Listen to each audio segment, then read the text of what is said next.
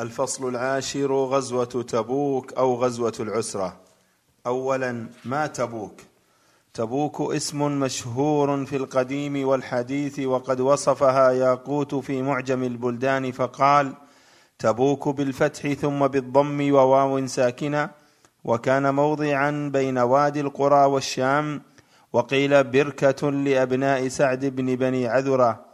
وقال أبو زيد تبوك بين الحجر وأول الشام على أربع مراحل من الحجر نحو نصف طريق الشام وهو حصن به عين ونخل وحائط ينسب إلى النبي صلى الله عليه وسلم.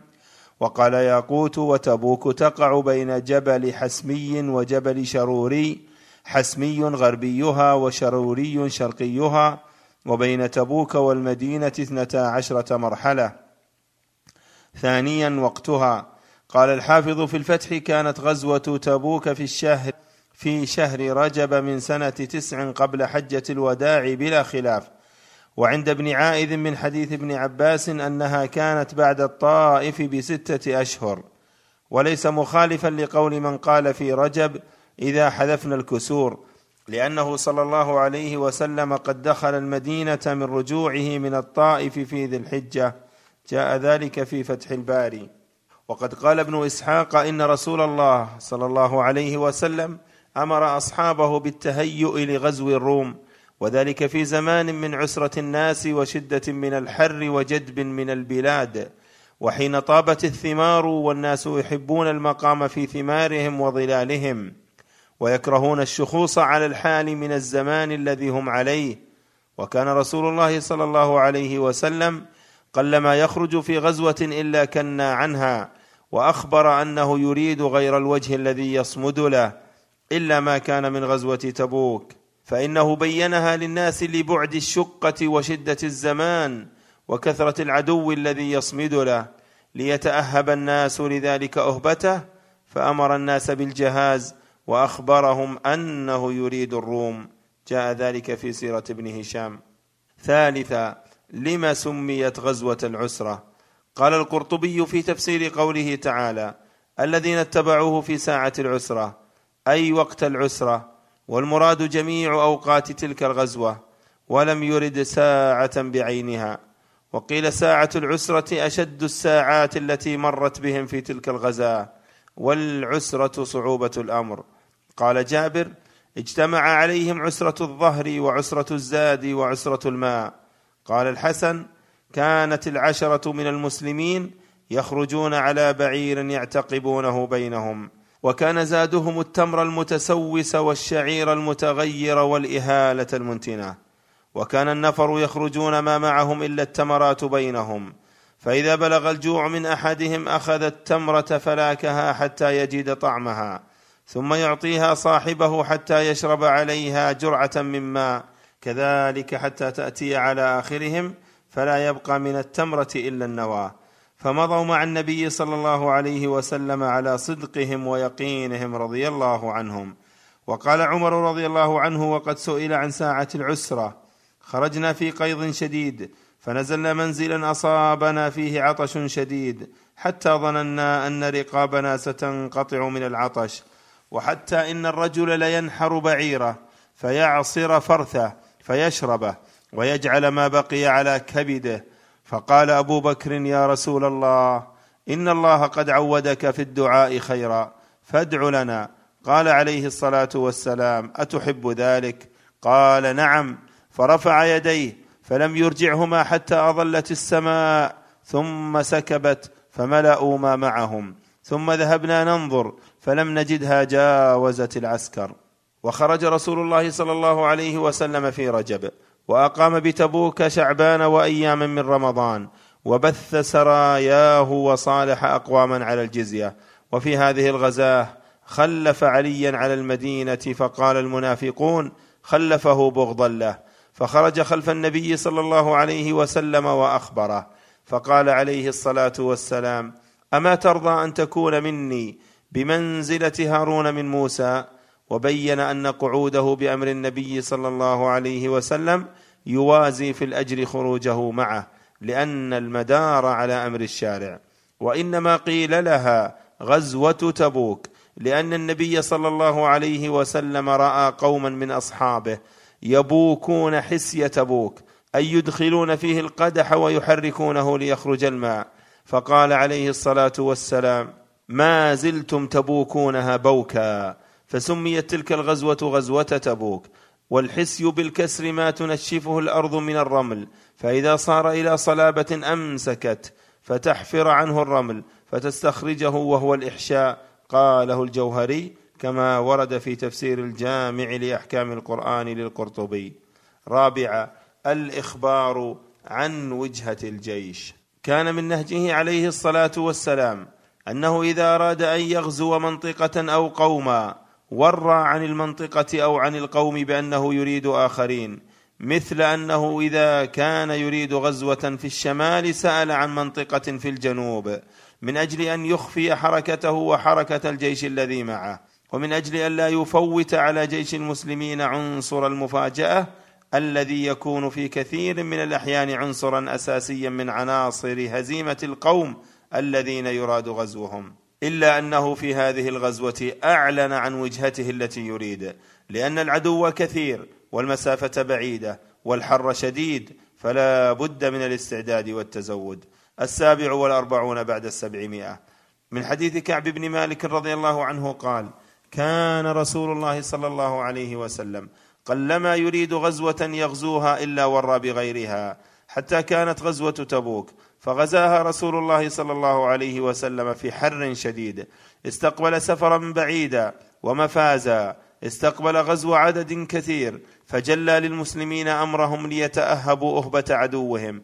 أخبرهم بوجهه الذي يريد. أخرجه البخاري ومسلم. خامسا دعوة الرسول صلى الله عليه وسلم المسلمين للتبرع لإعداد الجيش. حث الرسول عليه الصلاة والسلام أغنياء الصحابة على التصدق وهو ما يسمى بلغة العصر التبرع لتجهيز الجيش الإسلامي الضخم الذي احتشد للخروج مع النبي صلى الله عليه وسلم وإكمال تموينه. لأن بيت مال المسلمين بالمدينة ليس فيه ما يكفي لتموين وتجهيز هذا الجيش الكبير. وما كاد الأغنياء وميسور الحال من الصحابة يتبلغون نداء الرسول صلى الله عليه وسلم الحاث على التصدق والتبرع لإكمال تجهيز الجيش الغازي. هذا حتى تسابقوا إلى ميدان التبرع والتصدق طمعا فيما عند الله تعالى من ثوابه وكان التبرع من هؤلاء الكرام على أعلى مستويات السخاء. فتم للرسول صلى الله عليه وسلم جمع أموال عظيمة من المتصدقين في وقت قليل جدا.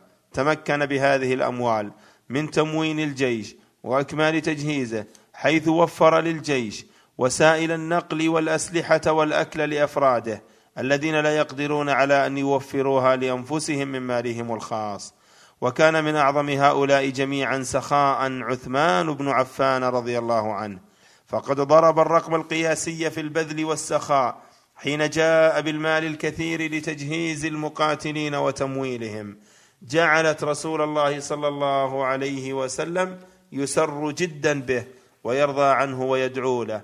فقد جاء الثامن والأربعون بعد السبعمائة. من حديث عبد الرحمن بن سمرة رضي الله عنه قال جاء عثمان بن عفان إلى النبي صلى الله عليه وسلم بألف دينار في ثوبه حين جهز النبي صلى الله عليه وسلم جيش العسرة. قال فصبها في حجر النبي صلى الله عليه وسلم فجعل النبي صلى الله عليه وسلم يقلبها بيده ويقول ما ضر ابن عفان ما عمل بعد اليوم يرددها مرارا. أخرجه الترمذي وأحمد والحاكم. التاسع والأربعون بعد السبعمائة. وأما علبة بن زيد فخرج من الليل فصلى من ليلته ما شاء الله ثم بكى. وقال اللهم إنك قد أمرت بالجهاد ورغبت فيه ثم لم تجعل عندي ما أتقوى به مع رسول الله صلى الله عليه وسلم ولم تجعل في يد رسولك ما يحملني عليه وإني أتصدق على كل مسلم بكل مظلمة أصابني فيها مال أو جسد أو عرض. ثم أصبح مع الناس فقال رسول الله صلى الله عليه وسلم أين المتصدق هذه الليلة؟ فلم يقم أحد. ثم قال عليه الصلاة والسلام أين المتصدق فليقم؟ فقام إليه فأخبره فقال رسول الله صلى الله عليه وسلم أبشر فوالذي نفسي بيده لقد كتبت في الزكاة المتقبلة. حديث صحيح كما قال الحافظ ابن حجر. سادسا لمز المنافقين للمتصدقين. الخمسون بعد السبعمائة. من حديث أبي مسعود الأنصاري رضي الله عنه قال لما أمرنا بالصدقة كنا نتحامل فجاء أبو عقيل بنصف صاع وجاء إنسان بأكثر منه فقال المنافقون إن الله لغني عن صدقة هذا وما فعل هذا الآخر إلا رئاء. فنزلت الذين يلمزون المطوعين من المؤمنين في الصدقات والذين لا يجدون إلا جهدهم. أخرجه البخاري ومسلم. سابعا قصة أصحاب أبي موسى الأشعري. الحادي والخمسون بعد السبعمائة. من حديث أبي موسى الأشعري رضي الله عنه قال أرسلني أصحابي إلى رسول الله صلى الله عليه وسلم أسأله الحملان لهم إذا هم معه في جيش العسرة وهي غزوة تبوك. فقلت يا نبي الله إن أصحابي أرسلوني إليك لتحملهم. فقال عليه الصلاة والسلام والله لا أحملكم على شيء. ووافقته وهو غضبان ولا أشعر. ورجعت حزينا من منع النبي صلى الله عليه وسلم. ومن مخافة أن يكون النبي صلى الله عليه وسلم وجد في نفسه علي. فرجعت إلى أصحابي فأخبرتهم الذي قال النبي صلى الله عليه وسلم. فلم ألبث إلا سويعة إذ سمعت بلالا ينادي أي عبد الله بن قيس؟ فأجبته فقال أجب رسول الله صلى الله عليه وسلم يدعوك. فلما أتيته قال عليه الصلاة والسلام خذ هذين القرنين لستة أبعرة ابتاعهن حينئذ من سعد فانطلق بهن إلى أصحابك. فقل إن الله أو قال إن رسول الله صلى الله عليه وسلم يحملكم على هؤلاء فاركبوهن.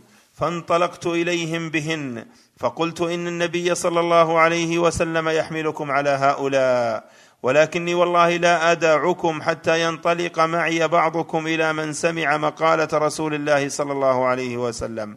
لا تظنوا أني حدثتكم شيئا لم يقله رسول الله صلى الله عليه وسلم. فقالوا لي إنك عندنا لمصدق ولنفعلن ما أحببت. فانطلق أبو موسى بنفر منهم حتى أتوا الذين سمعوا قول رسول الله صلى الله عليه وسلم منعه إياهم ثم إعطاءهم بعد فحدثوهم بمثل ما حدثهم به أبو موسى.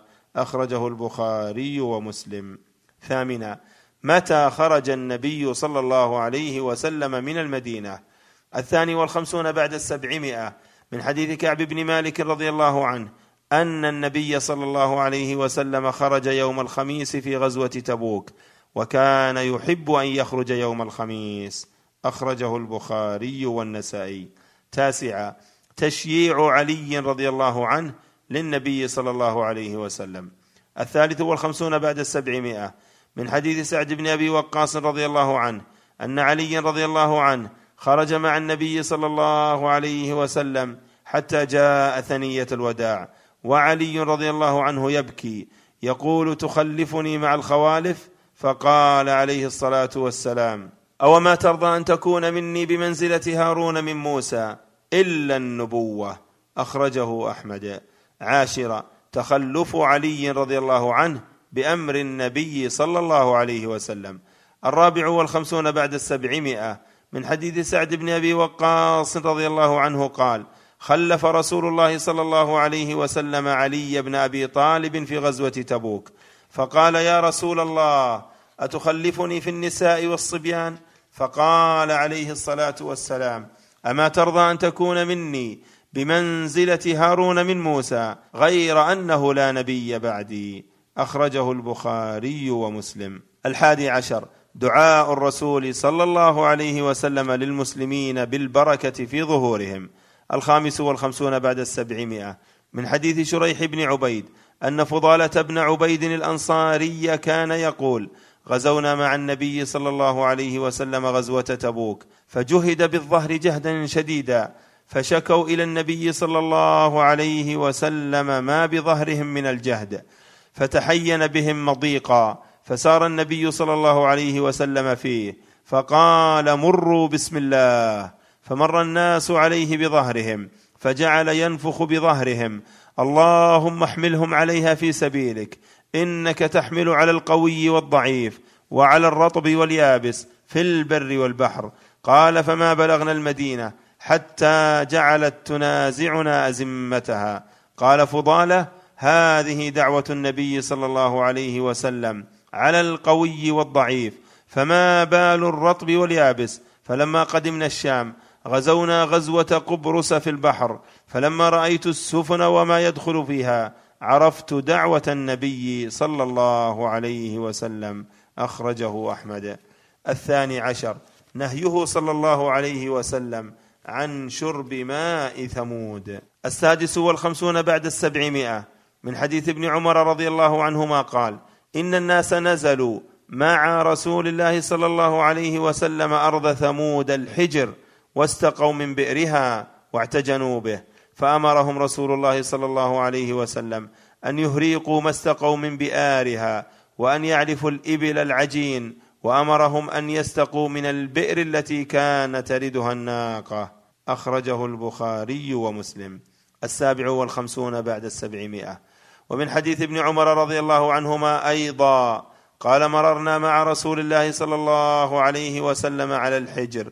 فقال لنا رسول الله صلى الله عليه وسلم لا تدخلوا مساكن الذين ظلموا أنفسهم إلا أن تكون باكين حذرا أن يصيبكم مثل ما أصابهم ثم زجر فأسرع حتى خلفها. أخرجه البخاري. خطبته عليه الصلاة والسلام في الحجر من ديار ثمود. الثامن والخمسون بعد السبعمائة. من حديث جابر بن عبد الله رضي الله عنهما قال لما مر النبي صلى الله عليه وسلم بالحجر قال لا تسالوا الآيات فقد سألها قوم صالح فكانت ترد من هذا الفج وتصدر من هذا الفج فعتوا عن أمر ربهم فعقروها وكانت تشرب ماءهم يوما ويشربون لبنها يوما فعقروها فأخذتهم صيحة أحمد الله من تحت أديم السماء منهم إلا رجلا واحدا كان في حرم الله. قيل من هو يا رسول الله؟ قال هو أبو رغال. فلما خرج من الحرم أصابه ما أصاب قومه. أخرجه أحمد. وقال ابن كثير إسناده صحيح. الثالث عشر. دعاء النبي صلى الله عليه وسلم بإمطار السماء وامتلاء أوعية الصحابة. التاسع والخمسون بعد السبعمائة. من حديث ابن عباس رضي الله عنهما قال قيل لعمر بن الخطاب حدثنا من شأن ساعة العسرة. فقال عمر خرجنا إلى تبوك في قيض شديد فنزلنا منزلا أصابنا فيه عطش حتى ظننا أن رقابنا ستنقطع حتى إن كان الرجل ليذهب يلتمس الرجل فلا يرجع حتى يظن أن رقبته ستنقطع حتى إن كان الرجل لينحر بعيره فيعصر فرثه فيشربه ويجعل ما بقي على كبده. فقال أبو بكر الصديق رضي الله عنه يا رسول الله إن الله عز وجل قد عودك في الدعاء خيرا فادع الله لنا. قال عليه الصلاة والسلام أتحب ذلك؟ قال نعم. فرفع يديه فلم يرجعهما حتى قالت السماء فأظلت ثم سكبت فملأوا ما معهم ثم ذهبنا ننظر فلم نجدها جاوزت العسكر. رواه البزار والطبراني في الأوسط.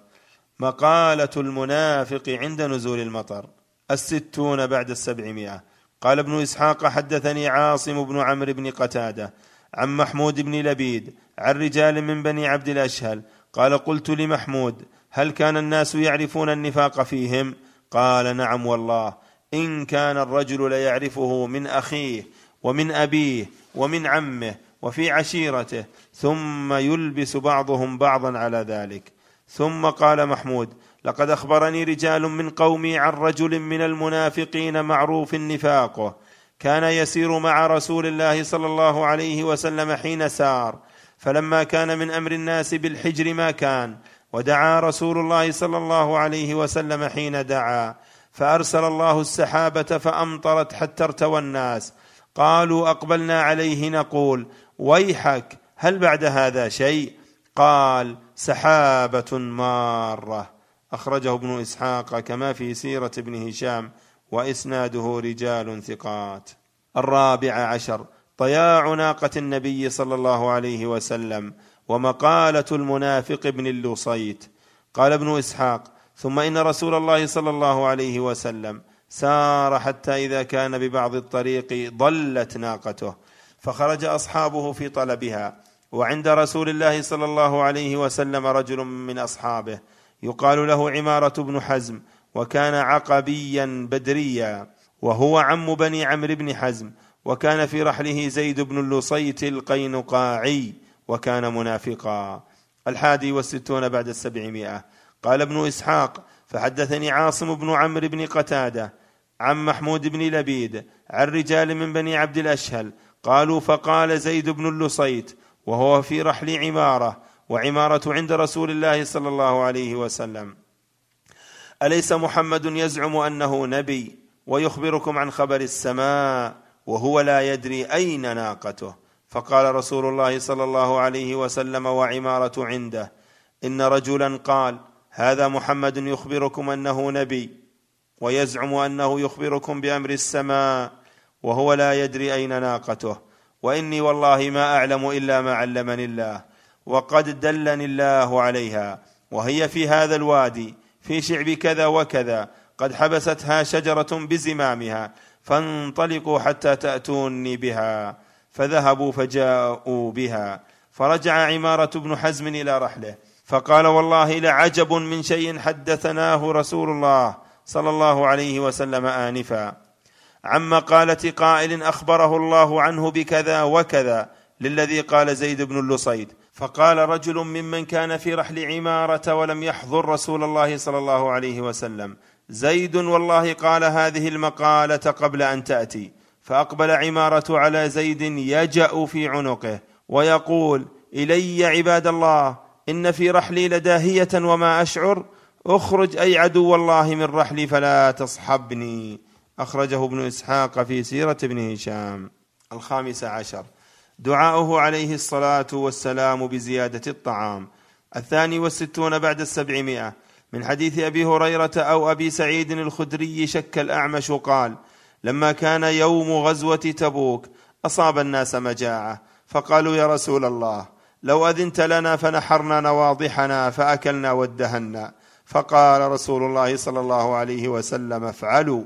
فجاء عمر رضي الله عنه فقال يا رسول الله إن فعلت قل الظهر ولكن ادعهم بفضل أزوادهم وادعوا الله لهم فيها بالبركة لعل الله عز وجل أن يجعل في ذلك. فقال رسول الله صلى الله عليه وسلم نعم. فدعا بنطع فبسطه ثم دعا بفضل أزوادهم فجعل الرجل يأتي بكف ذرة ويجيء الآخر بكف تمر ويجيء الآخر بكسرة حتى اجتمعوا على النطع من ذلك شيء يسير. فدعا رسول الله صلى الله عليه وسلم بالبركة. ثم قال لهم خذوا في أوعيتكم. فأخذوا في أوعيتهم. حتى ما تركوا في العسكر وعاء إلا ملأوه. فأكلوا حتى شبعوا. وفضلت فضالة. فقال رسول الله صلى الله عليه وسلم أشهد أن لا إله إلا الله وأني رسول الله. لا يلقى الله بهما عبد غير شاك فحجب عن الجنة. أخرجه مسلم. السادس عشر. إخباره عليه السلام بالإعصار وتحذيره الصحابة من القيام. الثالث والستون بعد السبعمائة. من حديث أبي حميد الساعدي رضي الله عنه قال خرجنا مع رسول الله صلى الله عليه وسلم في غزوة تبوك فأتينا وادي القرى على حديقة لامرأة فقال رسول الله صلى الله عليه وسلم اخرصوها. فخرصناها وخرصها رسول الله صلى الله عليه وسلم عشرة أوسق. وقال للمرأة أحصيها حتى نرجع إليك إن شاء الله عز وجل. فانطلقنا حتى قدمنا تبوك. فقال رسول الله صلى الله عليه وسلم ستهب عليكم الليلة ريح شديدة فلا يقم فيها أحد منكم. فمن كان له بعير فليشد عقاله. فهبت ريح شديدة. فقام رجل فحملته الريح حتى ألقته بجبلي طي وجاء رسول الله ابن العلماء صاحب ايليا أخرجه مسلم والبخاري. السابع عشر. قصة عين تبوك وازدياد الماء فيها. الرابع والستون بعد السبعمائة. من حديث معاذ بن جبل رضي الله عنه قال أبو الطفيل عامر بن وائلة إن معاذ بن جبل أخبره أنهم خرجوا مع رسول الله صلى الله عليه وسلم عام تبوك فكان رسول الله صلى الله عليه وسلم يجمع بين الظهر والعصر وبين المغرب والعشاء قال فأخر الصلاة يوما ثم خرج فصلى الظهر والعصر جميعا ثم دخل ثم خرج فصلى المغرب والعشاء جميعا ثم قال عليه الصلاة والسلام إنكم ستأتون غدا إن شاء الله عين تبوك وإنكم لن تأتوها حتى يضحي النهار فمن جاءها فلا يمس من مائها شيئا حتى آتي. قال فجئنا وقد سبق إليها رجلان والعين مثل الشراك تبض بشيء من ماء فسألهما رسول الله صلى الله عليه وسلم هل مسستما من مائها شيئا؟ قالا نعم فسبهما وقال لهما ما شاء الله أن يقول ثم غرفوا من العين قليلا قليلا حتى اجتمع في شيء ثم غسل رسول الله صلى الله عليه وسلم فيه وجهه ثم أعاده فيها فجرت العين بماء كثير فاستقى الناس ثم قال رسول الله صلى الله عليه وسلم يوشك يا معاذ إن طالت بك حياة أن ترى ما ها هنا قد ملئ جنانا. أخرجه مسلم وأحمد. الخامس والستون بعد السبعمائة. من حديث حذيفة رضي الله عنه قال خرج النبي صلى الله عليه وسلم يوم غزوة تبوك فبلغه أن في الماء قلة فأمر مناديا فنادى في الناس ألا يسبقني في الماء أحد؟ فأتى الماء وقد سبقه قوم فلعنهم. أخرجه البخاري وأبو داود. الثامن عشر. قصة المتخلفين بعذر ومشاركتهم للغازي في الأجر. السادس والستون بعد السبعمائة. من حديث أنس بن مالك رضي الله عنه أن رسول الله صلى الله عليه وسلم رجع من غزوة تبوك فدنا من المدينة. فقال عليه الصلاة والسلام إن بالمدينة أقواما. ما سرتم مسيرا. ولا قطعتم واديا إلا كانوا معكم. قالوا يا رسول الله وهم بالمدينة؟ قال عليه الصلاة والسلام وهم بالمدينة. حبسهم العذر. أخرجه البخاري وأبو داود. التاسع عشر. قصة أبي خيثمة ولحوقه بالجيش في تبوك. لم يتخلف أحد من المؤمنين الصادقين عن رسول الله صلى الله عليه وسلم في غزوة تبوك من غير عذر سوى أربعة نفر. كلهم من الأنصار. لا عن شك وارتياب وإنما أدركهم الضعف البشري وأثر عليهم أكثر من غيرهم وهؤلاء هم كعب بن مالك وهلال بن أمية ومرارة بن الربيع وأبو خيثمة. أما أبو خيثمة فقد تغلب على ضعفه البشري أمام مغريات الحياة فسارع إلى اللحاق برسول الله صلى الله عليه وسلم. أما الثلاثة الآخرون فقد تخلفوا في المدينة وقعد بهم الضعف البشري يقولون كل يوم نلحق بالرسول صلى الله عليه وسلم حتى انتهت مهمة الرسول صلى الله عليه وسلم في تبوك وعاد إلى المدينة فعاقبهم بالمقاطعة. وستأتي قصتهم بزيادة تفصيل في مكانها إن شاء الله. وكيف قبل الله توبتهم؟ أما أبو خيثمة الذي هزم النفس الأمارة بالسوء وسحق الضعف البشري في نفسه فقد لحق بالرسول صلى الله عليه وسلم وقد جاءت قصته مبسوطة عند ابن إسحاق في السيرة بدون إسناد.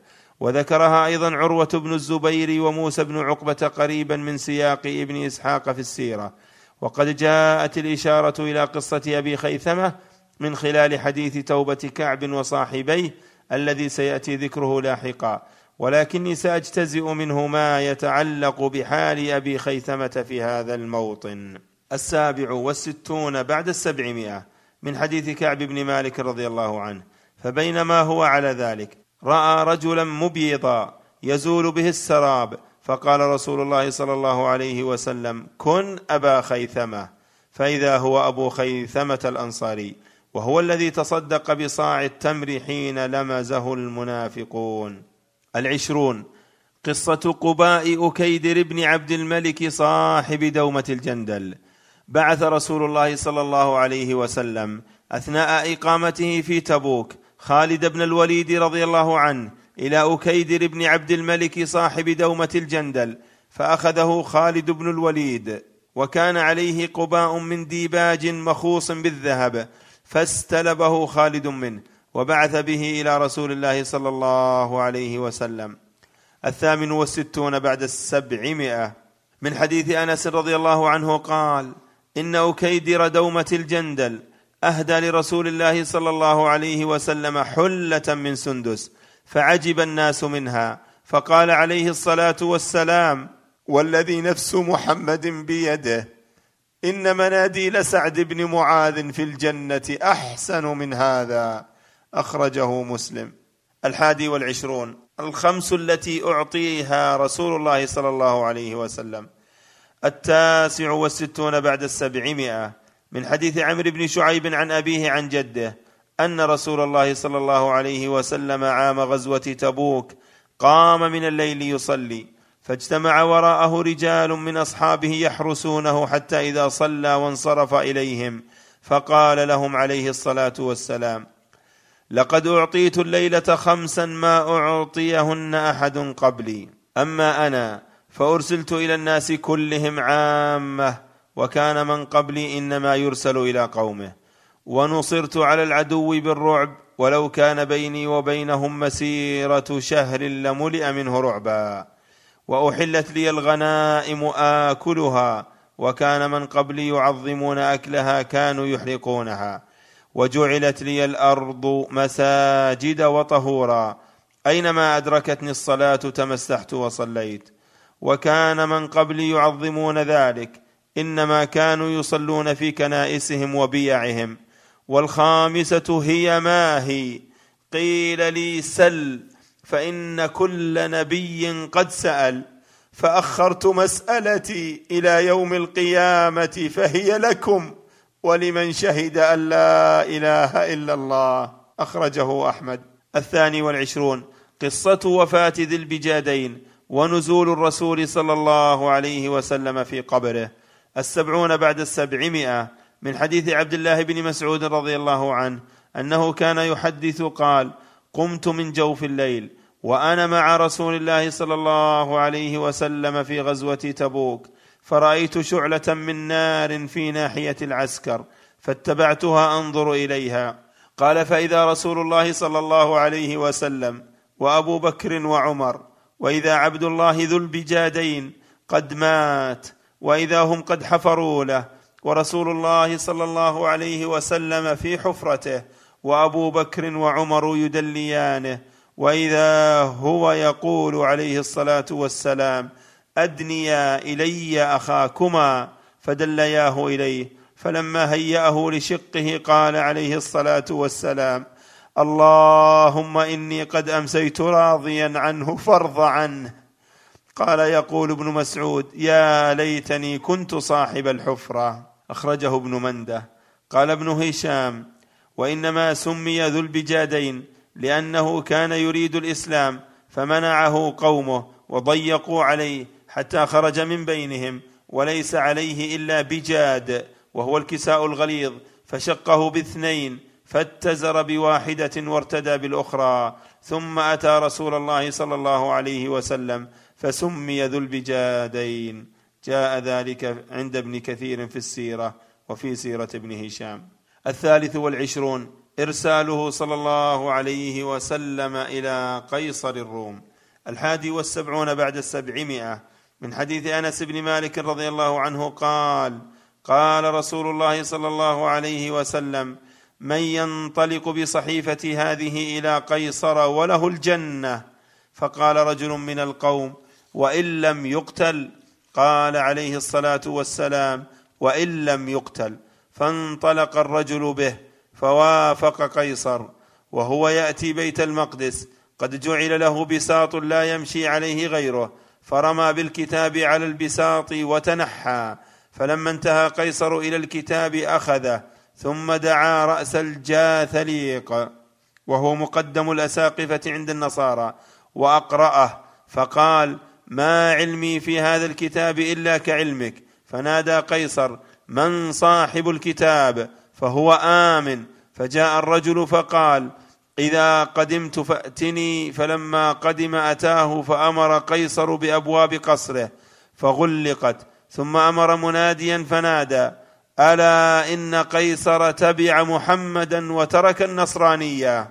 فأقبل جنده وقد تسلحوا حتى طافوا بقصره.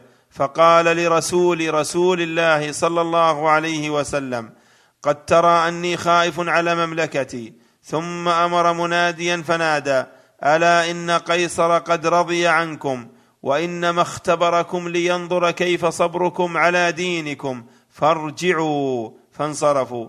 وكتب قيصر إلى رسول الله صلى الله عليه وسلم إني مسلم وبعث إليه بدنانير. فقال رسول الله صلى الله عليه وسلم حين قرأ الكتاب كذب عدو الله ليس بمسلم وهو على النصرانية. وقسم الدنانير. أخرجه ابن حبان. الثاني والسبعون بعد السبعمائة. قال الإمام أحمد حدثنا إسحاق بن عيسى قال حدثني يحيى بن سليمان عن عبد الله بن عثمان بن خثيم عن سعيد بن أبي راشد قال لقيت التنوخي رسول هرقل إلى رسول الله صلى الله عليه وسلم بحمص وكان جارا لي شيخا كبيرا قد بلغ الفند أو قرب. فقلت ألا تخبرني عن رسالة هرقل إلى النبي صلى الله عليه وسلم ورسالة رسول الله صلى الله عليه وسلم إلى هرقل. فقال بلى. قدم رسول الله صلى الله عليه وسلم تبوك. فبعث دحية الكلبي إلى هرقل. فلما أن جاء كتاب رسول الله صلى الله عليه وسلم دعا قسيسي الروم وبطارقتها. ثم أغلق عليه وعليهم بابا فقال قد نزل هذا الرجل حيث رأيتم وقد أرسل إلي يدعوني إلى ثلاث خصال يدعوني إلى أن أتبعه على دينه أو على أن أعطيه ما لنا على أرضنا والأرض أرضنا أو نلقي إليه الحرب. والله لقد عرفتم فيما تقرؤون من الكتب ليأخذن ما تحت قدمي فهلم نتبعه على دينه. أو نعطيه ما لنا على أرضنا. فنخروا نخرة رجل واحد حتى خرجوا من برانسهم وقالوا تدعونا إلى أن ندع النصرانية أو نكون عبيدا لأعرابي جاء من الحجاز. فلما ظن أنهم إن خرجوا من عنده أفسدوا عليه الروم. رفأهم أي سكنهم ولم يكد وقال قلت ذلك لكم لأعلم صلابتكم على أمركم. ثم دعا رجلا من عرب تحبيب كان على نصارى العرب فقال أدع لي رجلا حافظا للحديث عربي اللسان أبعثه إلى هذا الرجل بجواب كتابه. فجاء بي فدفع إلي هرقل كتابا فقال اذهب بكتابي إلى هذا الرجل فما ضيعت من حديثه فاحفظ له منه ثلاث خصال. انظر هل يذكر صحيفته التي كتبت إلي بشيء؟ وانظر إذا قرأ كتابي فهل يذكر الليل؟ وانظر في ظهره هل به شيء يريبك؟ فانطلقت بكتابه حتى جئت تبوك. فإذا هو جالس بين ظهراني أصحابه محتبيا على الماء فقلت أين صاحبكم؟ قيل ها هو ذا. فأقبلت أمشي حتى جلست بين يديه فناولته كتابي فوضعه في حجره ثم قال عليه الصلاة والسلام فمن أنت؟ فقلت أنا أحد تنوخ. قال عليه الصلاة والسلام هل لك في الإسلام الحنيفية ملة أبيك إبراهيم؟ قلت إني رسول قوم وعلى دين قوم لا أرجع عنه حتى أرجع إليهم. فضحك وقال عليه الصلاة والسلام إنك لا تهدي من أحببت ولكن الله يهدي من يشاء وهو أعلم بالمهتدين. يا أخا تنوخ إني كتبت بكتاب إلى كسرى فمزقه والله ممزقه وممزق ملكه. وكتبت إلى النجاشي بصحيفة فحرقها والله ممزقه وممزق ملكه. وكتبت إلى صاحبك بصحيفة فأمسكها فلن يزال الناس يجدون منه بأسا. ما دام في العيش خير. قلت هذه إحدى الثلاثة التي أوصاني بها صاحبي. وأخذت سهما من جعبتي فكتبتها في جلد سيفي. ثم إنه ناول الصحيفة رجلا عن يساره. قلت من صاحب كتابكم الذي يقرأ لكم؟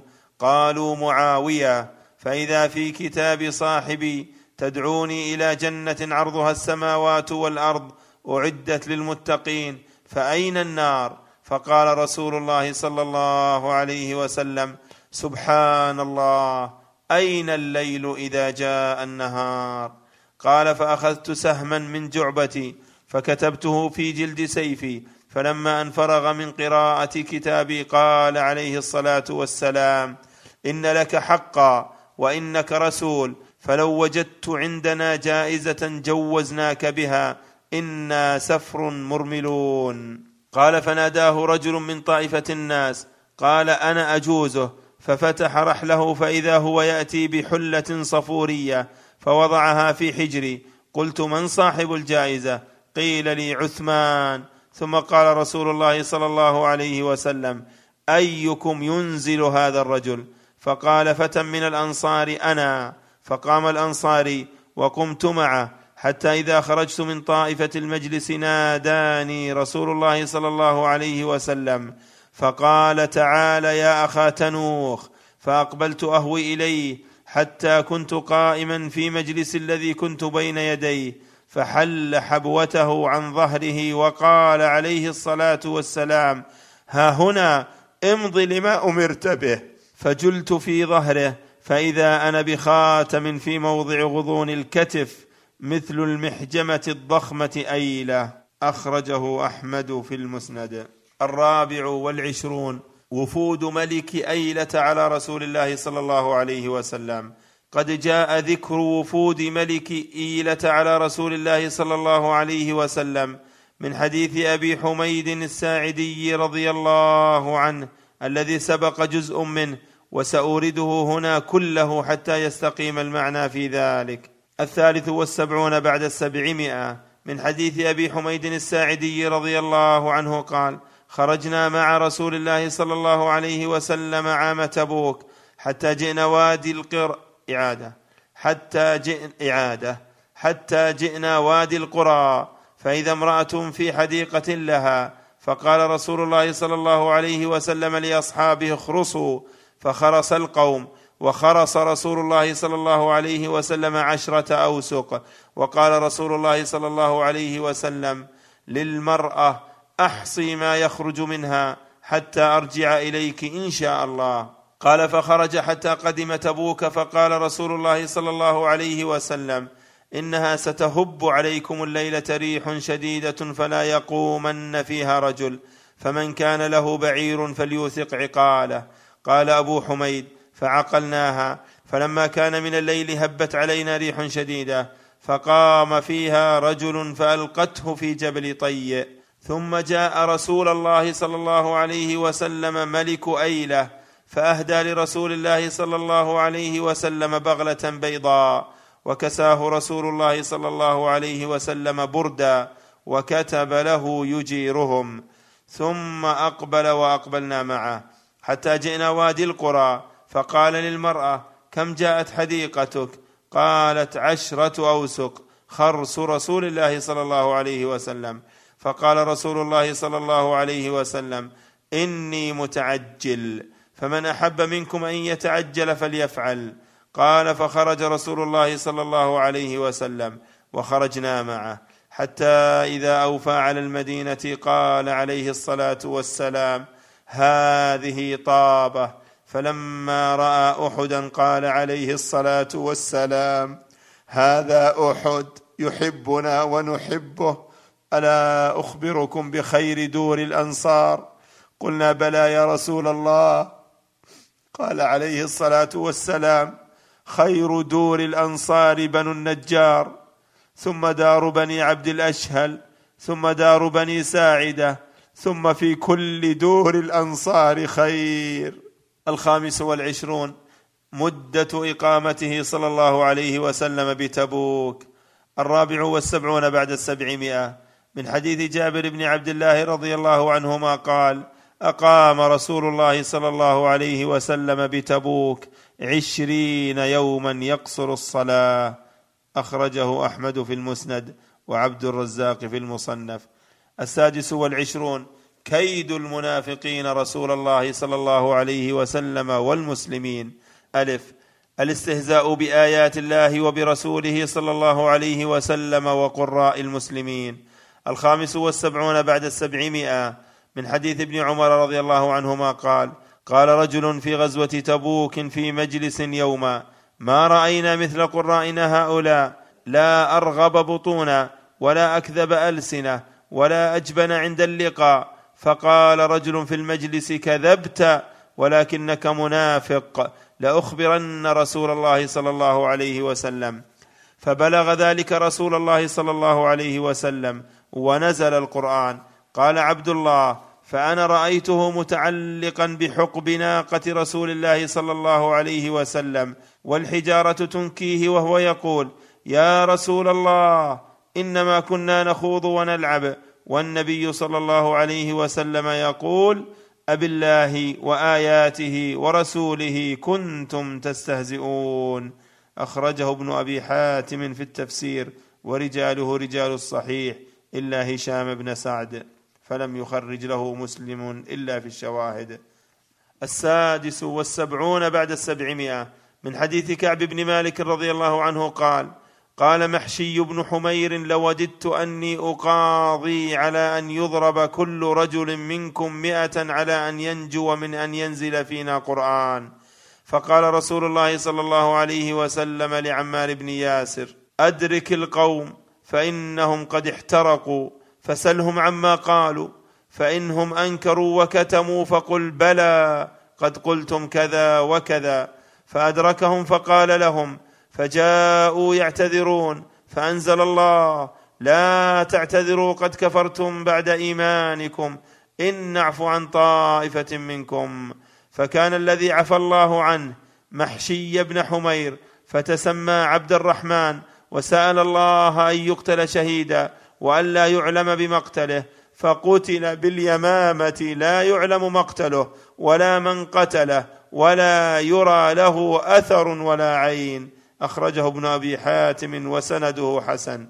قلت وقد كان هذا القول من محشي بن حمير بعدما قال أولئك قولتهم في قراء القرآن واستهزأوا بآيات الله تعالى فتاب الله عليه وغفر له والله أعلم.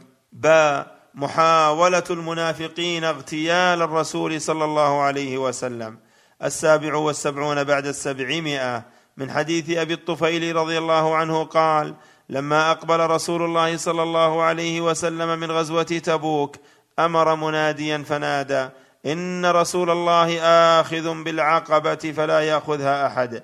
فبينما رسول الله صلى الله عليه وسلم يقوده حذيفة ويسوقه عمار إذ أقبل رهط متلثمون على الرواحل فغشوا عمارا وهو يسوق برسول الله صلى الله عليه وسلم وأقبل عمار يضرب وجوه الرواحل فقال رسول الله صلى الله عليه وسلم لحذيفة قد قد حتى هبط رسول الله صلى الله عليه وسلم من الوادي. فلما هبط ورجع عمار قال عليه الصلاة والسلام يا عمار هل عرفت القوم؟ قال قد عرفت عامة الرواحل والقوم متلثمون. فقال صلى الله عليه وسلم هل تدري ما ارادوا قال الله ورسوله أعلم. قال عليه الصلاة والسلام أرادوا أن ينفروا برسول الله فيطرحوه. قال فسأل عمار رجلا من أصحاب النبي صلى الله عليه وسلم فقال نشدتك بالله كم تعلم كان أصحاب العقبة؟ قال أربعة عشر رجلا فقال إن كنت فيهم فقد كانوا خمسة عشر. قال فعذر رسول الله صلى الله عليه وسلم منهم ثلاثة. قالوا ما سمعنا منادي رسول الله صلى الله عليه وسلم وما علمنا ما أراد القوم. فقال عمار أشهد أن الاثني عشر الباقين حرب لله ولرسوله في الحياة الدنيا ويوم يقوم الأشهاد. أخرجه في المسند ورجاله ثقات. الثامن والسبعون بعد السبعمائة. من حديث أبي الطفيل قال كان بين رجل من أهل العقبة وبين حذيفة بعض ما يكون بين الناس فقال أنشدك بالله كم كان أصحاب العقبة. قال فقال له القوم أخبره إذ سألك. فقال كنا نخبر أنهم أربعة عشر فإن كنت منهم فقد كان القوم خمسة عشر. وأشهد بالله أن اثني عشر منهم حرب لله ولرسوله في الحياة الدنيا ويوم يقوم الأشهاد. وعذر ثلاثة. قالوا ما سمعنا منادي رسول الله صلى الله عليه وسلم ولا علمنا بما أراد القوم. وقد كان في حرة فمشى فقال عليه الصلاة والسلام إن الماء قليل فلا يسبقني إليه أحد. فوجد قوما قد سبقوه فلعنهم يومئذ. أخرجه مسلم. جيم. إخبار النبي صلى الله عليه وسلم حذيفة بأسماء المنافقين. التاسع والسبعون بعد السبعمائة.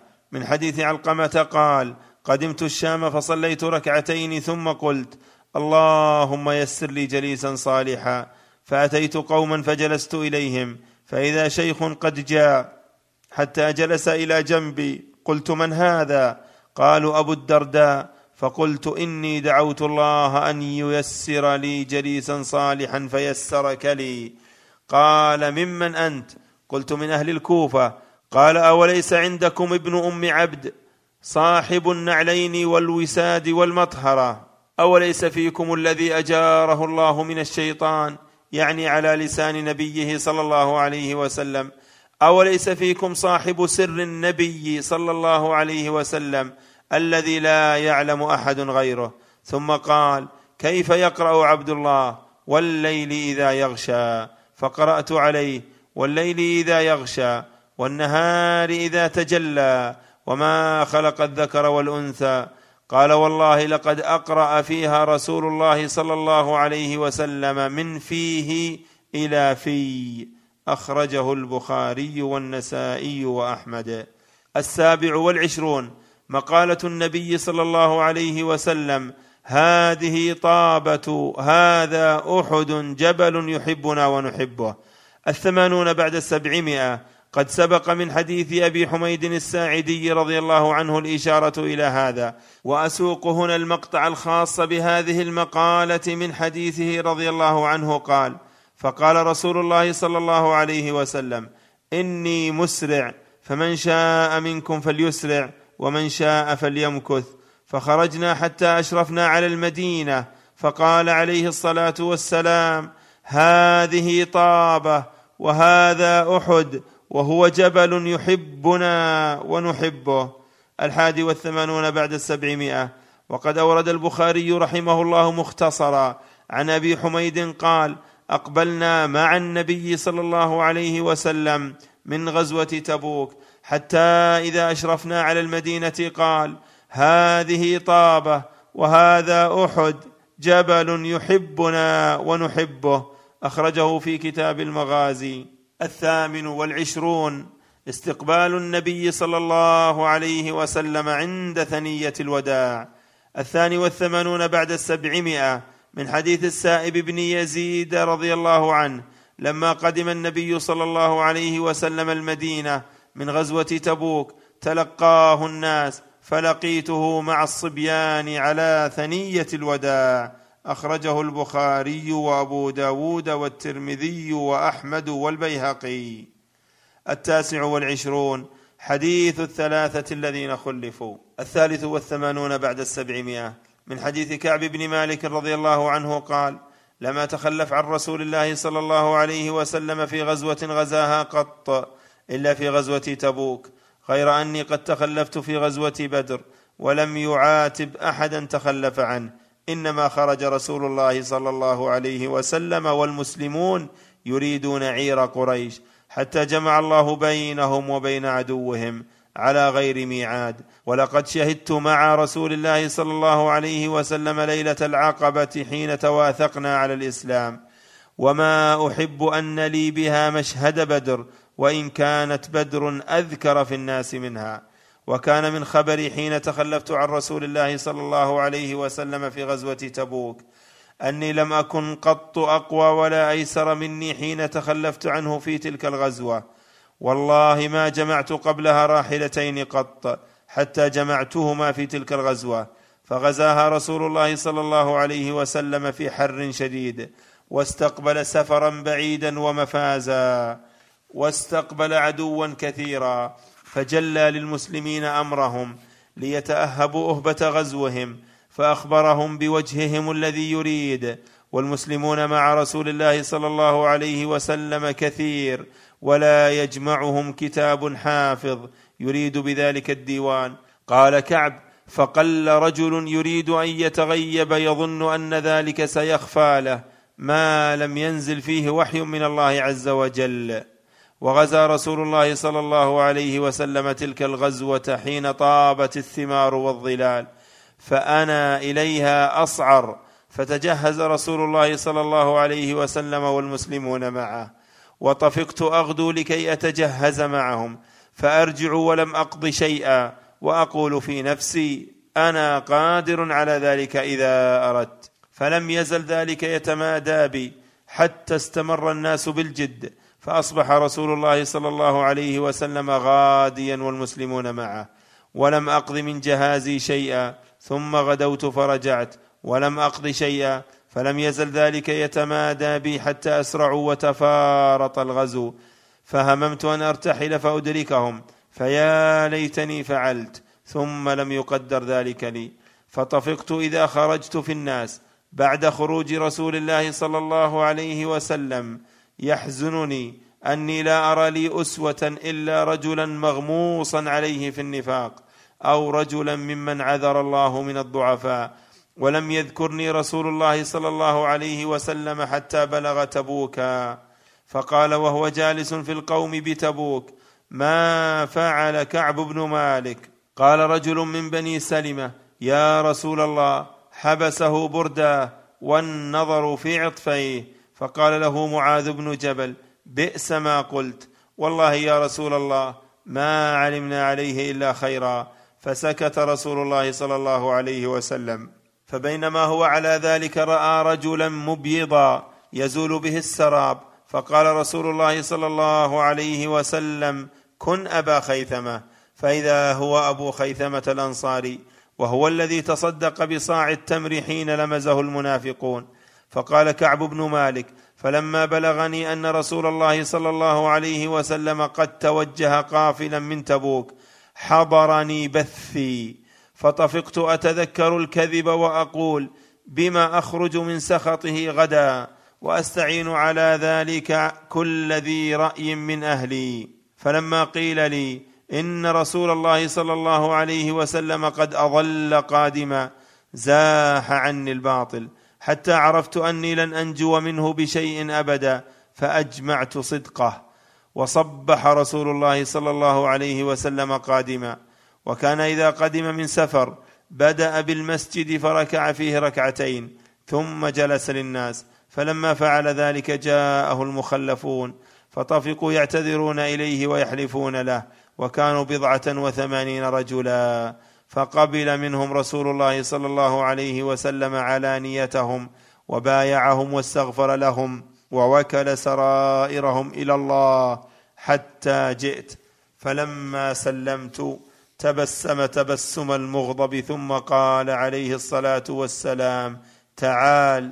فجئت أمشي حتى جلست بين يديه فقال لي عليه الصلاة والسلام ما خلفك؟ ألم تكن قد ابتعت ظهرك؟ قال قلت يا رسول الله إني والله لو جلست عند غيرك من أهل الدنيا لرأيت أني سأخرج من سخطه بعذر ولقد أعطيت جدلا ولكني والله لقد علمت لئن حدثتك اليوم حديث كذب ترضى به عني ليوشكن الله أن يسخطك علي ولئن حدثتك حديث صدق تجد علي فيه إني لأرجو فيه عقب الله. والله ما كان لي عذر. والله ما كنت قط أقوى ولا أيسر مني حين تخلفت عنك. قال رسول الله صلى الله عليه وسلم أما هذا فقد صدق فقم حتى يقضي الله فيك. فقمت وثار رجال من بني سلمة فاتبعوني فقالوا لي والله ما علمناك أذنبت ذنبا قبل هذا. لقد عجزت في الا تكون اعتذرت إلى رسول الله صلى الله عليه وسلم بما اعتذر به إليه المخلفون. فقد كان كافيك ذنبك استغفار رسول الله صلى الله عليه وسلم لك. قال فوالله ما زالوا يؤنبونني حتى أردت أن أرجع إلى رسول الله صلى الله عليه وسلم فأكذب نفسي. قال ثم قلت لهم هل لقي هذا معي من أحد؟ قالوا نعم. لقيه معك رجلان. قال مثل ما قلت فقيل لهما مثل ما قيل لك. قال قلت من هما؟ قالوا مرارة بن الربيع العامري وهلال بن أمية الواقفي. قال فذكروا لي رجلين صالحين قد شهدا بدرا فيهما أسوة. قال فمضيت حين ذكروهما لي. قال فاجتنبنا الناس. وقال تغيروا لنا حتى تنكرت لي في نفس الأرض فما هي بالأرض التي أعرف؟ فلبثنا على ذلك خمسين ليلة فأما صاحباي فاستكانا وقعدا في بيوتهما يبكيان وأما أنا فكنت أشب القوم وأجلدهم فكنت أخرج فأشهد الصلاة وأطوف في الأسواق ولا يكلمني أحد. وآتي رسول الله صلى الله عليه وسلم فأسلم عليه وهو في مجلسه بعد الصلاة فأقول في نفسي هل حرك شفتيه برد السلام أم لا؟ ثم أصلي قريبا منه وأسارقه النظر فإذا أقبلت على صلاتي نظر إلي وإذا التفت نحوه أعرض عني حتى إذا طال ذلك علي من جفوة المسلمين. مشيت حتى تسورت جدار حائط أبي قتادة وهو ابن عمي وأحب الناس إلي فسلمت عليه فوالله ما رد علي السلام. فقلت له يا أبا قتادة أنشدك بالله هل تعلم أني أحب الله ورسوله؟ قال فسكت. فعدت فناشدته فسكت. فعدت فناشدته فقال الله ورسوله أعلم. ففاضت عيناي وتوليت حتى تسورت الجدار. فبينما أنا أمشي في سوق المدينة إذا نبطي من نبط أهل الشام ممن قدم بالطعام يبيعه بالمدينة يقول من يدل على كعب بن مالك؟ قال فطفق الناس يشيرون له إلي حتى جاءني فدفع إلي كتابا من ملك غسان وكنت كاتبا فقرأته فإذا فيه أما بعد فإنه قد بلغنا أن صاحبك قد جفاك. ولم يجعلك الله بدار هوان ولا مضيعه فالحق بنا نواسك. قال فقلت حين قرأتها وهذه أيضا من البلاء. فتيممت بها التنور فسجرتها بها حتى إذا مضت أربعون من الخمسين واستلبث الوحي إذا رسول رسول الله صلى الله عليه وسلم يأتيني فقال إن رسول الله صلى الله عليه وسلم يأمرك أن تعتزل امرأتك. قال فقلت أطلقها أم ماذا أفعل؟ قال لا بل اعتزلها فلا تقربنها. قال فأرسل إلى صاحبي بمثل هذا. قال فقلت لامرأتي الحقي بأهلك فكوني عندهم حتى يقضي الله في هذا الأمر. قال فجاءت امرأة هلال بن أمية رسول الله صلى الله عليه وسلم فقالت له يا رسول الله إن هلال بن أمية شيخ ضائع ليس له خادم فهل تكره أن أخدمه؟ قال عليه الصلاة والسلام لا ولكن لا يقربنك. فقالت إنه والله ما به حركة إلى شيء والله ما زال يبكي منذ كان من أمره ما كان إلى يومه هذا. قال فقال لي بعض أهلي لو استأذنت رسول الله صلى الله عليه وسلم في امرأتك فقد أذن لامراه هلال بن أمية أن تخدمه. قال فقلت لا أستأذن فيها رسول الله صلى الله عليه وسلم وما يدريني ماذا يقول رسول الله صلى الله عليه وسلم إذا استأذنته فيها وأنا رجل شاب. قال فلبثت بذلك عشر ليال. فكمل لنا خمسون ليلة من حين نهي عن كلامنا. قال ثم صليت صلاة الفجر صباح خمسين ليلة على ظهر بيت من بيوتنا. فبينما أنا جالس على الحال التي ذكر الله عز وجل منا قد ضاقت علي نفسي وضاقت علي الأرض بما رحبت. سمعت صوت صارخ أوفى على سلع يقول بأعلى صوته يا كعب بن مالك أبشر. قال فخررت ساجدا وعرفت أن قد جاء فرج. قال فآذن رسول الله صلى الله عليه وسلم بتوبة الله علينا حين صلى صلاة الفجر. فذهب الناس يبشروننا. فذهب قبل صاحبي مبشرون. وركض رجل إلي فرسا. وسعى ساع من أسلم قبلي. وأوفى الجبل. فكان الصوت أسرع من الفرس.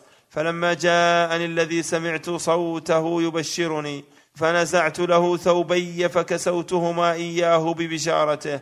والله ما أملك غيرهما يومئذ. واستعرت ثوبين فلبستهما فانطلقت أتأمم رسول الله صلى الله عليه وسلم. يتلقاني الناس فوجا فوجا يهنئوني بالتوبة ويقولون لتهنأك توبة الله عليك. حتى دخلت المسجد. فإذا رسول الله صلى الله عليه وسلم جالس في المسجد وحوله الناس فقام طلحة بن عبيد الله يهرول حتى صافحني وهنأني. والله ما قام رجل من المهاجرين غيره. قال فكان كعب لا ينساها لطلحة. قال كعب فلما سلمت على رسول الله صلى الله عليه وسلم قال وهو يبرق وجهه من السرور ويقول أبشر بخير يوم مر عليك منذ ولدتك أمك. قال قلت أمن عندك يا رسول الله؟ أم من عند الله؟ فقال عليه الصلاة والسلام لا بل من عند الله. وكان رسول الله صلى الله عليه وسلم إذا استنار وجهه كان وجهه قطعة قمر. قال وكنا نعرف ذلك. قال فلما جلست بين يديه قلت يا رسول الله إن من توبتي أن أنخلع من مالي صدقة إلى الله وإلى رسوله صلى الله عليه وسلم. فقال رسول الله صلى الله عليه وسلم أمسك بعض مالك فهو خير لك. قال فقلت فإني أمسك سهمي الذي بخيبر. قال وقلت يا رسول الله إن الله إنما أنجاني بالصدق وإن من توبتي الا أحدث إلا صدقا ما بقيت. قال فوالله ما علمت أن أحدا من المسلمين أبلاه الله في صدق الحديث منذ ذكرت ذلك لرسول الله صلى الله عليه وسلم إلى يوم هذا أحسن مما أبلاني الله به. والله ما تعمدت كذبة منذ قلت لرسول الله صلى الله عليه وسلم إلى يوم هذا وإني لأرجو أن يحفظني الله فيما بقي. قال فأنزل الله عز وجل لقد تاب الله على النبي والمهاجرين والأنصار الذين اتبعوه في ساعة العسرة. من بعد ما كاد يزيغ قلوب فريق منهم ثم تاب عليهم إنه بهم رؤوف رحيم. وعلى الثلاثة الذين خلفوا حتى إذا ضاقت عليهم الأرض بما رحبت وضاقت عليهم أنفسهم حتى بلغ يا أيها الذين آمنوا اتقوا الله وكونوا مع الصادقين. قال كعب والله ما أنعم الله علي من نعمة قط بعد إذ هداني للإسلام أعظم في نفسي من صدق رسول الله صلى الله عليه وسلم. ألا أكون كذبته فأهلك كما هلك الذين كذبوا. إن الله قال للذين كذبوا حين أنزل الوحي شر ما قال لأحد. وقال الله سيحلفون بالله لكم إذا انقلبتم إليهم لتعرضوا عنهم. فأعرضوا عنهم إنهم رجس ومأواهم جهنم جزاء بما كانوا يكسبون.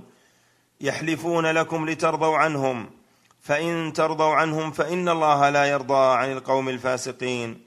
قال كعب كنا خلفنا أيها الثلاثة عن أمر أولئك الذين قبل منهم رسول الله صلى الله عليه وسلم حين حلفوا له فبايعهم واستغفر لهم وأرجأ رسول الله صلى الله عليه وسلم أمرنا حتى قضى الله فيه. فبذلك قال الله عز وجل وعلى الثلاثة الذين خلفوا وليس الذي ذكر الله مما خلفنا تخلفنا عن الغزو وإنما هو تخليفه إيانا وإرجاؤه أمرنا عمن حلف له واعتذر إليه فقبل منه. أخرجه البخاري ومسلم وأبو داود وأحمد والنسائي وابن أبي شيبة وابن هشام في السيرة. فوائد قصة الذين خلفوا. وقد استنبط العلماء من هذا الحديث في توبة كعب بن مالك وصاحبيه فوائد جمة ذكر كثيرا منها ابن القيم رحمه الله في زاد المعاد. وذكر ابن حجر العسقلاني في الفتح فصلا مفيدا كثير الفوائد. قال الحافظ ابن حجر في فتح الباري ما نصه وفي قصة كعب من الفوائد غير ما تقدم.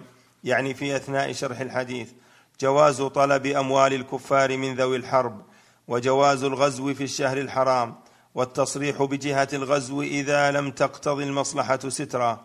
وإن الإمام إذا استنفر جيشا عموما لزمهم النفير ولحق اللوم بكل فرد لو تخلف. وقال السهيلي إنما اشتد الغضب على من تخلف وإن كان الجهاد فرض كفاية لكنه في حق الأنصار خاصة فرض عين لأنهم بايعوا على ذلك ومصداق ذلك قولهم وهم يحفرون الخندق. نحن الذين بايعوا محمدا على الجهاد ما بقينا أبدا فكان تخلفهم عن هذه الغزوة كبيرة لأنها كالنكث لبيعتهم. كذا قال ابن بطال قال السهيلي ولا أعرف له وجها غير الذي قال. قلت وقد ذكرت وجها غير الذي ذكره ولعله أقعد ويؤيده قوله تعالى ما كان لأهل المدينة ومن حولهم من الأعراب أن يتخلفوا عن رسول الله. وعند الشافعية وجه أن الجهاد كان فرض عين في زمن النبي صلى الله عليه وسلم. فعلى هذا فيتوجه العتاب على من تخلف قطعا. وفيها أن العاجز عن الخروج بنفسه أو بماله لا لوم عليه. واستخلاف من يقوم مقام الإمام على أهله والضعفاء وفيها ترك قتل المنافقين ويستنبط منه ترك قتل الزنديق إذا أظهر التوبة. وأجاب من أجازه بأن الترك كان في زمن النبي صلى الله عليه وسلم لمصلحة التأليف على الإسلام. وفيها عظم أمر المعصية. وقد نبه الحسن البصري على ذلك فيما أخرجه ابن أبي حاتم عنه قال يا سبحان الله ما أكل هؤلاء الثلاثة مالا حراما ولا سفكوا دما حراما ولا أفسدوا في الأرض. أصابهم ما سمعتم وضاقت عليهم الأرض بما رحبت فكيف بمن يواقع الفواحش والكبائر؟ وفيها أن القوي في الدين يؤاخذ بأشد مما يؤاخذ الضعيف في الدين. وجواز إخبار المرء عن تقصيره وتفريطه وعن سبب ذلك وما آل إليه أمره تحذيرا منه ويضمه لغيره وجواز مدح المرء بما فيه من الخير إذا أمن الفتنة وتسلية نفسه بما لم يحصل له بما وقع لنظيره وفضل أهل بدر والعقبة والحلف للتأكيد من غير استحلاف والتورية عن المقصد ورد الغيبة وجواز ترك وطئ الزوجة مدة وفيه أن المرء إذا لاحت له فرصة في الطاعة فحقه أن يبادر إليها ولا يسوف بها لئلا يحرمها. كما قال تعالى استجيبوا لله وللرسول إذا دعاكم لما يحييكم واعلموا أن الله يحول بين المرء وقلبه. ومثله قوله تعالى ونقلب أفئدتهم وأبصارهم كما لم يؤمنوا به أول مرة. ونسأل الله تعالى أن يلهمنا المبادرة إلى طاعته والا يسلبنا ما خولنا من نعمته. وفيها جواز تمني ما فات من الخير وأن الإمام لا يهمل من تخلف عنه في بعض الأمور بل يذكره ليراجع التوبة. وجواز الطعن في الرجل بما يغلب على اجتهاد الطاعن حمية لله ورسوله. وفيها جواز الرد على الطاعن إذا غلب على ظن الراد وهم الطاعن أو غلطه.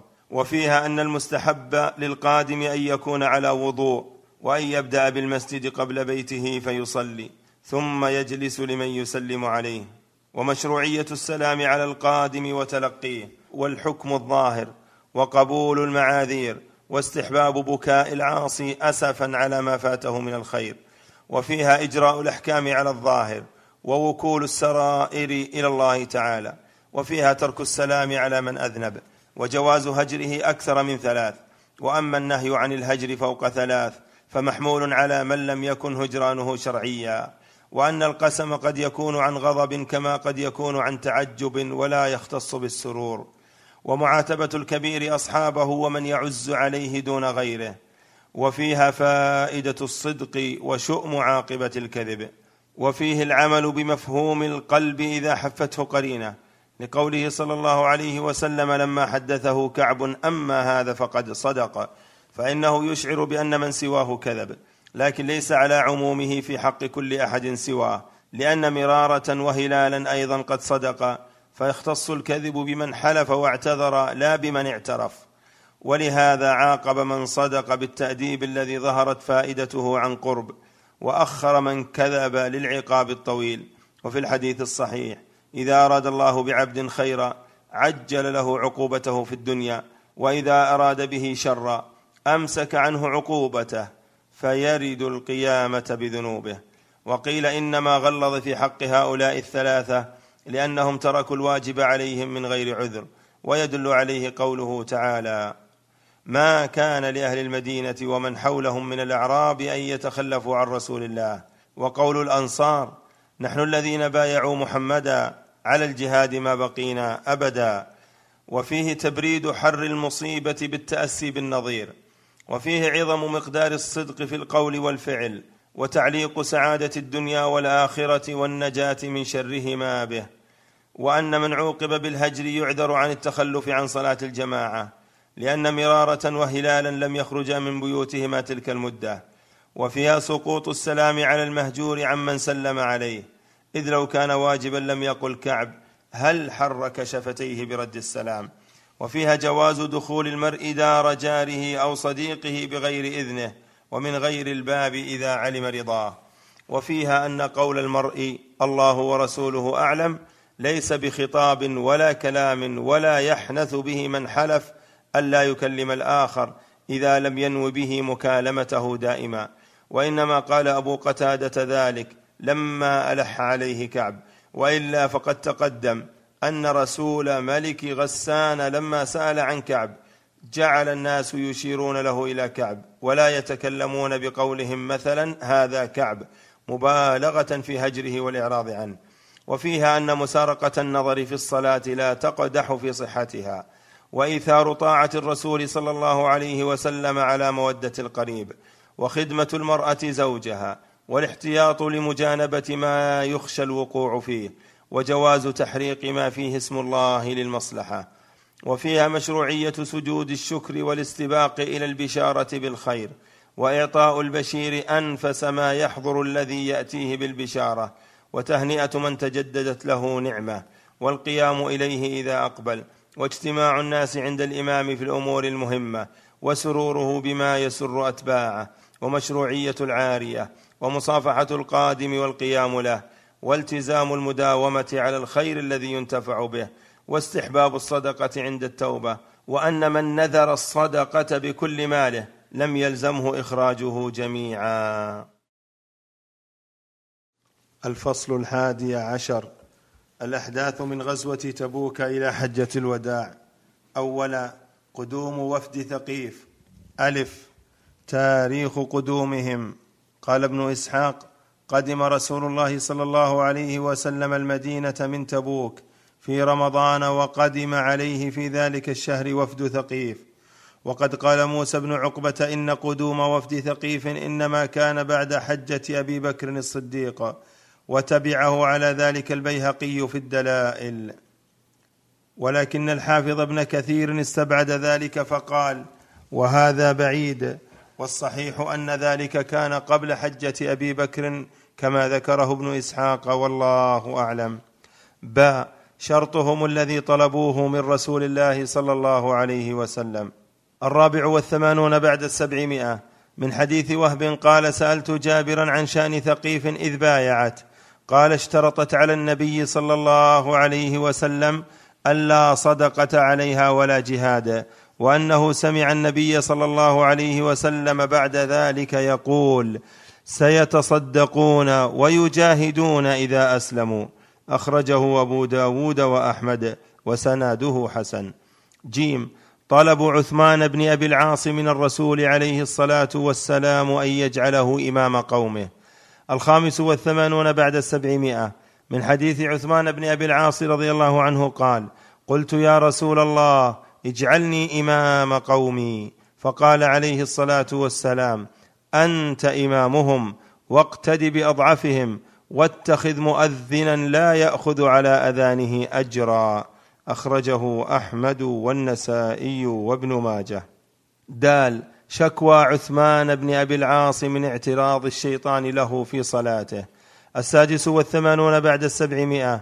من حديث عثمان بن أبي العاص رضي الله عنه قال قلت يا رسول الله إن الشيطان قد حال بيني وبين صلاتي وقراءتي. قال فقال عليه الصلاة والسلام ذاك شيطان يقال له خنزب فإذا أحسسته فتعوذ بالله منه واتفل عن يسارك ثلاثا. قال ففعلت فأذهبه الله عني. أخرجه مسلم وأحمد. السابع والثمانون بعد السبعمائة.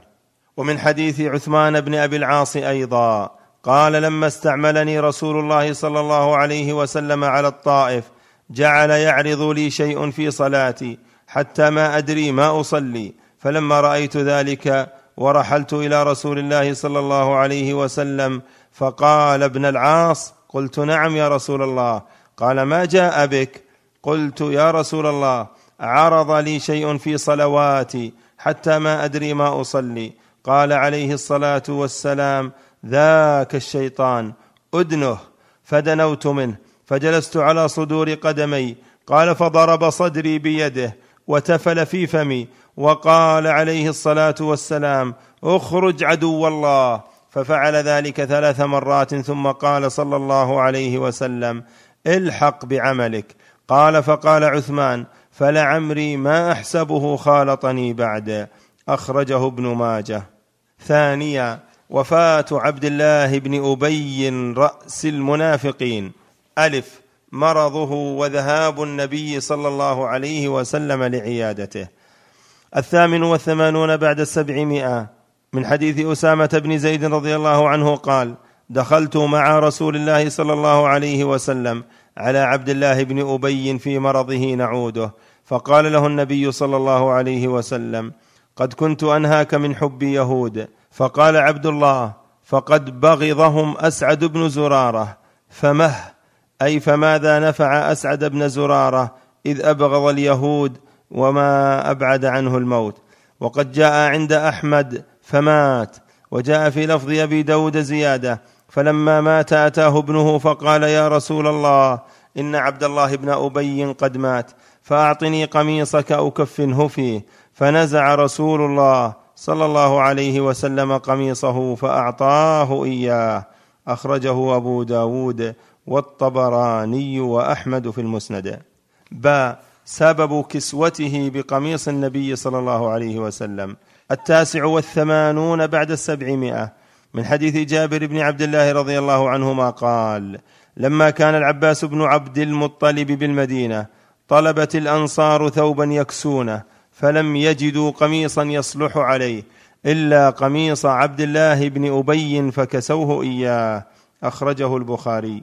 وفي لفظ آخر لما كان يوم بدر اتي بالعباس ولم يكن عليه ثوب فنظر النبي صلى الله عليه وسلم له قميصا فوجدوا قميص عبد الله بن أبي يقدر عليه فكساه النبي صلى الله عليه وسلم إياه.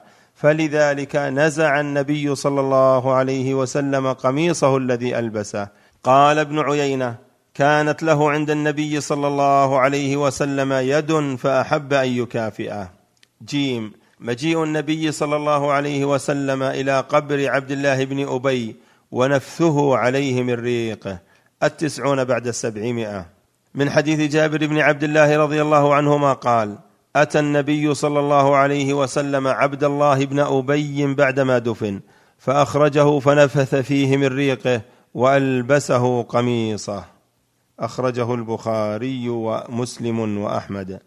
دال صلاة النبي صلى الله عليه وسلم على عبد الله بن أبي ومحاولة عمر منعه. الحادي والتسعون بعد السبعمائة.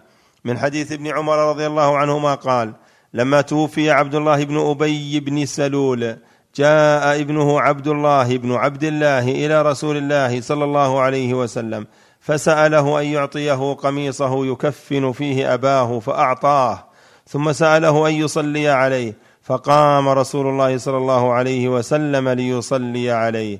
فقام عمر فأخذ بثوب رسول الله صلى الله عليه وسلم. فقال يا رسول الله تصلي عليه وقد نهاك الله أن تصلي عليه. فقال رسول الله صلى الله عليه وسلم إنما خيرني الله. فقال استغفر لهم أو لا تستغفر لهم إن تستغفر لهم سبعين مرة وسأزيده على سبعين. قال إنه منافق. فصلى عليه رسول الله صلى الله عليه وسلم فأنزل الله عز وجل ولا تصل على أحد منهم مات أبدا ولا تقم على قبره أخرجه البخاري ومسلم وأحمد. ثالثا إمارة أبي بكر رضي الله عنه في العام التاسع على الحج. قال ابن إسحاق رحمه الله ثم اقام رسول الله صلى الله عليه وسلم بقية شهر رمضان وشوال وذا القعدة ثم بعث أبا بكر أميرا على الحج من سنة تسع ليقيم للمسلمين حجهم والناس من أهل الشرك على منازلهم من حجهم فخرج أبو بكر رضي الله عنه ومن معه من المسلمين. جاء ذلك في سيرة ابن هشام. والمقصود أن رسول الله صلى الله عليه وسلم بعث عليا رضي الله عنه بعد أبي بكر الصديق ليكون معه ويتولى علي بنفسه إبلاغ البراءة إلى المشركين نيابة عن رسول الله صلى الله عليه وسلم لكونه ابن عمه من عصبته. ألف. في أي شهر كان بعث أبي بكر؟ قال الحافظ في الفتح. ذكر ابن سعد وغيره بإسناد صحيح. عن مجاهد أن حجة أبي بكر وقعت في ذي القعدة ووافقه عكرمة بن خالد فيما أخرجه الحاكم في الإكليل. ومن عدا هذين إما مصرح بأن حجة أبي بكر كانت في ذي الحجة كالداودي وبه جزم من المفسرين الرماني والثعلبي والماوردي وتبعهم جماعة وإما ساكت والمعتمد ما قاله مجاهد وبه جزم الأزرقي ويؤيده أن ابن إسحاق صرح أن النبي صلى الله عليه وسلم أقام بعد أن رجع من تبوك رمضان وشوالا وذا القعدة ثم بعث أبا بكر أميرا على الحج فهو ظاهر في أن بعث أبي بكر كان بعد انسلاخ ذي القعدة فيكون حجه في ذي الحجة على هذا والله أعلم. جاء ذلك في فتح الباري. باء بما بعث النبي صلى الله عليه وسلم عليا. الثاني والتسعون بعد السبعمائة. قال ابن إسحاق وحدثني حكيم بن حكيم بن عباد بن حنيف عن أبي جعفر محمد بن علي رضوان الله عليه أنه قال لما نزلت براءة على رسول الله صلى الله عليه وسلم وقد كان بعث أبا بكر الصديق ليقيم للناس الحج قيل له يا رسول الله لو بعثت بها إلى أبي بكر فقال عليه الصلاة والسلام لا يؤدي عني إلا رجل من أهل بيتي. ثم دعا علي بن أبي طالب رضوان الله عليه فقال له عليه الصلاة والسلام اخرج بهذه القصة من صدر براءة وأذن في الناس يوم النحر إذا اجتمعوا بمنى أنه لا يدخل الجنة كافر وأن لا يحج بعد العام مشرك وأن لا يطوف بالبيت عريان ومن كان له عند رسول الله صلى الله عليه وسلم عهد فهو له إلى مدته. فخرج علي بن أبي طالب رضوان الله عليه على ناقة رسول الله صلى الله عليه وسلم العضباء حتى أدرك أبا بكر بالطريق. فلما رآه أبو بكر بالطريق قال أأمير أم مأمور؟ فقال بل مأمور. ثم مضيا. فأقام أبو بكر للناس الحج. والعرب إذ ذاك في تلك السنة على منازلهم من الحج التي كانوا عليها في الجاهلية. حتى إذا كان يوم النحر قام علي بن أبي طالب رضي الله عنه. فأذن بالناس بالذي أمره رسول الله صلى الله عليه وسلم.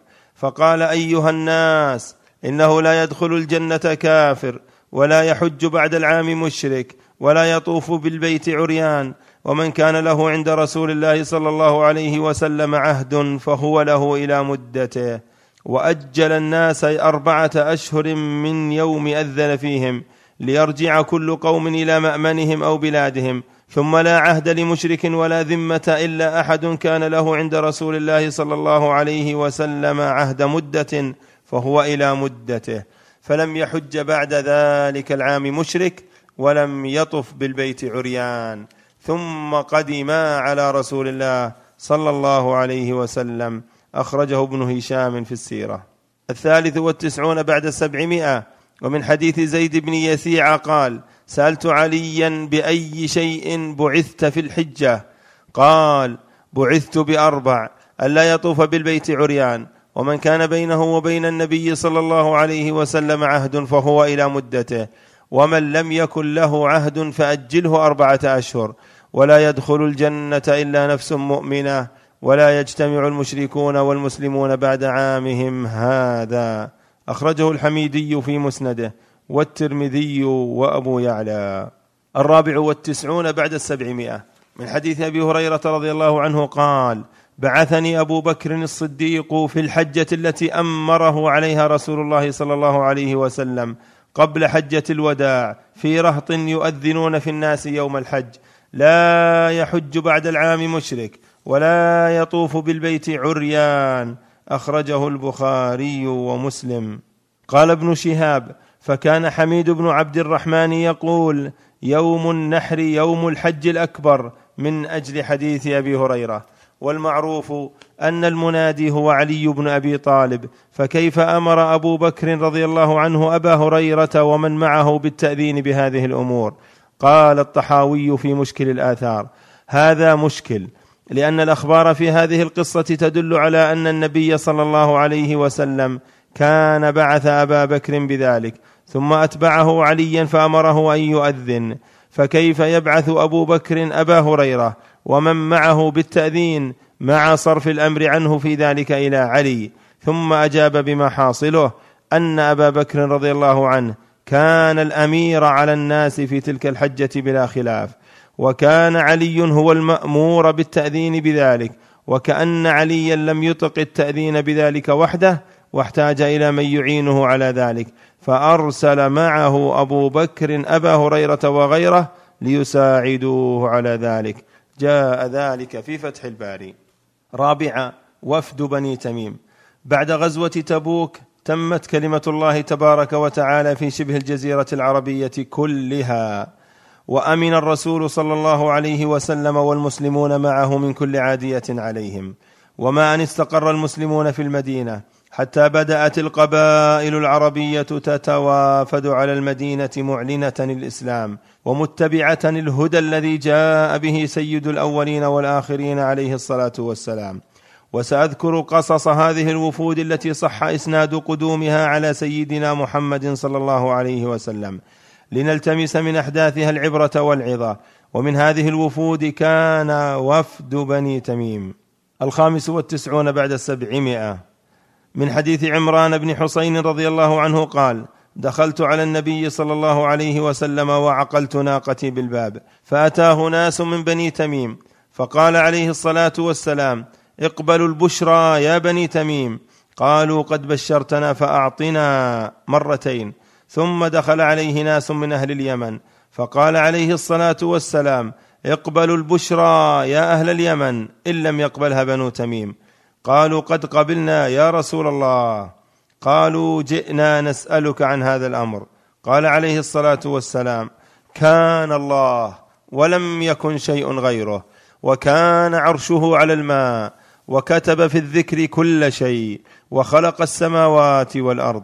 فنادى مناد ذهبت ناقتك يا ابن الحصين فانطلقت فإذا هي يقطع دونها السراب. فوالله لوددت أني كنت تركتها. أخرجه البخاري والترمذي. السادس والتسعون بعد السبعمائة. من حديث أبي هريرة رضي الله عنه قال لا أزال أحب بني تميم بعد ثلاث سمعتهن من رسول الله صلى الله عليه وسلم يقولهن فيهم. هم أشد أمتي على الدجال. وكانت فيهم سبية عند عائشة فقال أعتقيها فإنها من ولد إسماعيل. وجاءت صدقاتهم فقال وهذه صدقات قوم أو قومي. أخرجه البخاري ومسلم. خامسا وفد بني عامر. ألف مقالتهم لرسول الله صلى الله عليه وسلم. السابع والتسعون بعد السبعمائة. من حديث مطرف بن عبد الله بن الشخير رضي الله عنهما. عن أبيه أنه وفد إلى النبي صلى الله عليه وسلم في رهط من بني عامر. قال فأتيناه فسلمنا عليه فقلنا أنت ولينا وأنت سيدنا وأنت أطول علينا. قال يونس وأنت أطول علينا طولا وأنت أفضلنا علينا فضلا وأنت الجفنة الغراء فقال عليه الصلاة والسلام قولوا قولكم ولا يستجرنكم الشيطان. قال وربما قال ولا يستهوينكم. رواه أبو داود والنسائي وأخرجه أحمد. ب. عامر بن الطفيل ومقولته الفاسدة للرسول عليه الصلاة والسلام. قد سبق ذكر عامر بن الطفيل أثناء الحديث عن غزوة بئر معونة وأنه الذي تولى قتل القراء السبعين والغدر بهم ثم لم يكفه هذا العمل. فجاء في وفد بني عامر يتهدد الرسول عليه الصلاة والسلام فابتلاه الله تعالى بغدة في رقبته مات على أثرها. الثامن والتسعون بعد السبعمائة. من حديث أنس رضي الله عنه قال إن النبي صلى الله عليه وسلم بعث خالة أخ لأم سليم في سبعين راكبا وكان رئيس المشركين عامر بن الطفيل خير بين ثلاث خصال فقال يكون لك أهل السهل ولي أهل المدر أو أكون خليفتك أو أغزوك بأهل غطفان بألف وألف ألف أشقر وألف شقرا فطعن عامر في بيت امرأة من بني فلان أم فلان. فقال غدة كغدة البعير البكر في بيت امرأة من آل بني فلان إيتوني بفرسي. فمات على ظهر فرسه فانطلق حرام أخو أم سليم وهو رجل أعرج ورجل من بني فلان. قال كونا قريبا حتى آتيهم. فذكر قصة القراء في بئر معونة. أخرجه البخاري وأحمد. سادسا وفد ضمامة بن ثعلبة عن قومه بني سعد بن بكر. التاسع والتسعون بعد السبعمائة. من حديث أنس بن مالك رضي الله عنه قال بينما نحن جلوس مع النبي صلى الله عليه وسلم في المسجد. دخل رجل على جمل فأناخه في المسجد ثم عقله ثم قال لهم أيكم محمد؟ والنبي صلى الله عليه وسلم متكئ بين ظهرانيهم. فقلنا هذا الرجل الأبيض المتكئ. فقال له الرجل ابن عبد المطلب. فقال له النبي صلى الله عليه وسلم قد أجبتك. فقال الرجل للنبي صلى الله عليه وسلم إني سائلك فمشدد عليك في المسألة فلا تجد علي في نفسك. فقال عليه الصلاة والسلام سل عما بدا لك.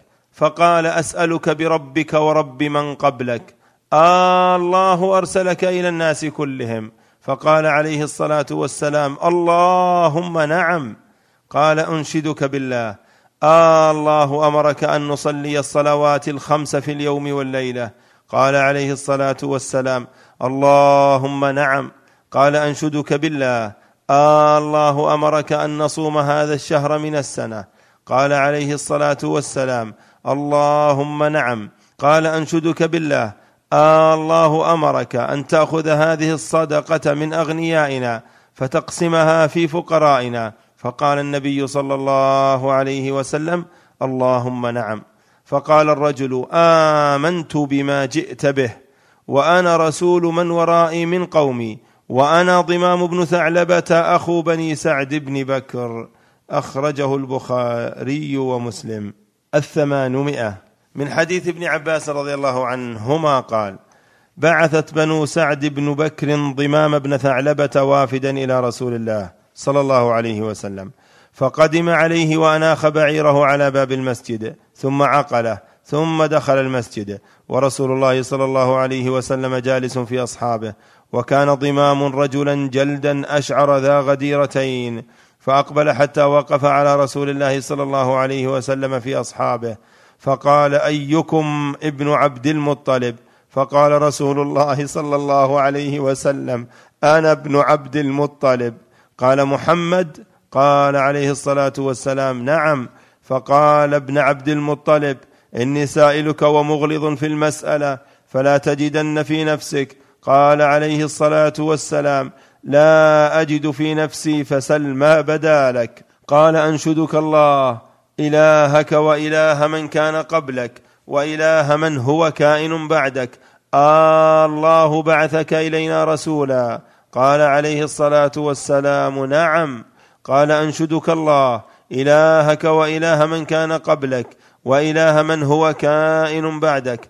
الله أمرك أن تأمرنا أن نعبده وحده لا نشرك به شيئا وأن نخلع هذه الأنداد التي كان آباؤنا يعبدونها معه.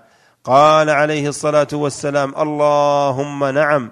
قال فأنشدك الله إلهك وإله من كان قبلك وإله من هو كائن بعدك.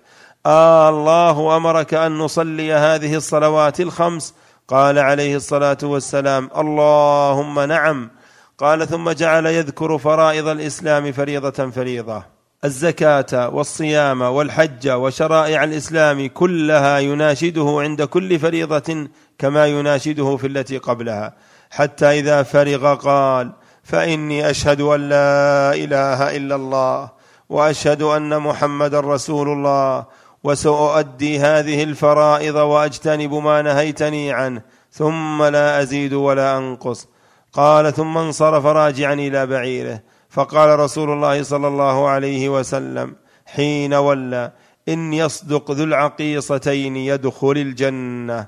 قال فأتى إلى بعيره فأطلق عقاله ثم خرج حتى قدم على قومه فاجتمعوا إليه فكان أول ما تكلم به أن قال بئست اللات والعزى قالوا صح يا ضمام اتق البرص والجذام اتق الجنون. قال ويلكم إنهما والله لا يضران ولا ينفعان. إن الله عز وجل قد بعث رسولا وأنزل عليه كتابا استنقذكم به مما كنتم فيه. وإني أشهد أن لا إله إلا الله وحده لا شريك له وأن محمدا عبده ورسوله. إني قد جئتكم من عنده بما أمركم به ونهاكم عنه. قال فوالله ما أمسى من ذلك اليوم وفي حاضره رجل ولا امرأة إلا مسلما. قال يقول ابن عباس رضي الله عنه فما سمعنا بوافد قوم كان أفضل من ضمام بن ثعلبة. أخرجه أبو داود والحاكم وأحمد واللفظ لأحمد. سابعا وفد عبد قيس. ألف إخبار النبي صلى الله عليه وسلم بطلوعهم قبل أن يصلوا. الأول بعد الثمانمائة. من حديث مزيدة العصري رضي الله عنه قال بينما النبي صلى الله عليه وسلم يحدث أصحابه إذ قال لهم سيطلع عليكم من ها هنا ركب هم خير أهل المشرق.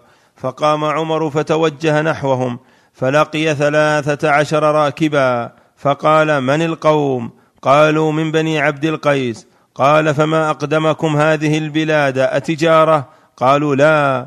قال أما إن النبي صلى الله عليه وسلم قد ذكركم انفا فقال خيرا. ثم مشى معهم حتى أتوا النبي صلى الله عليه وسلم.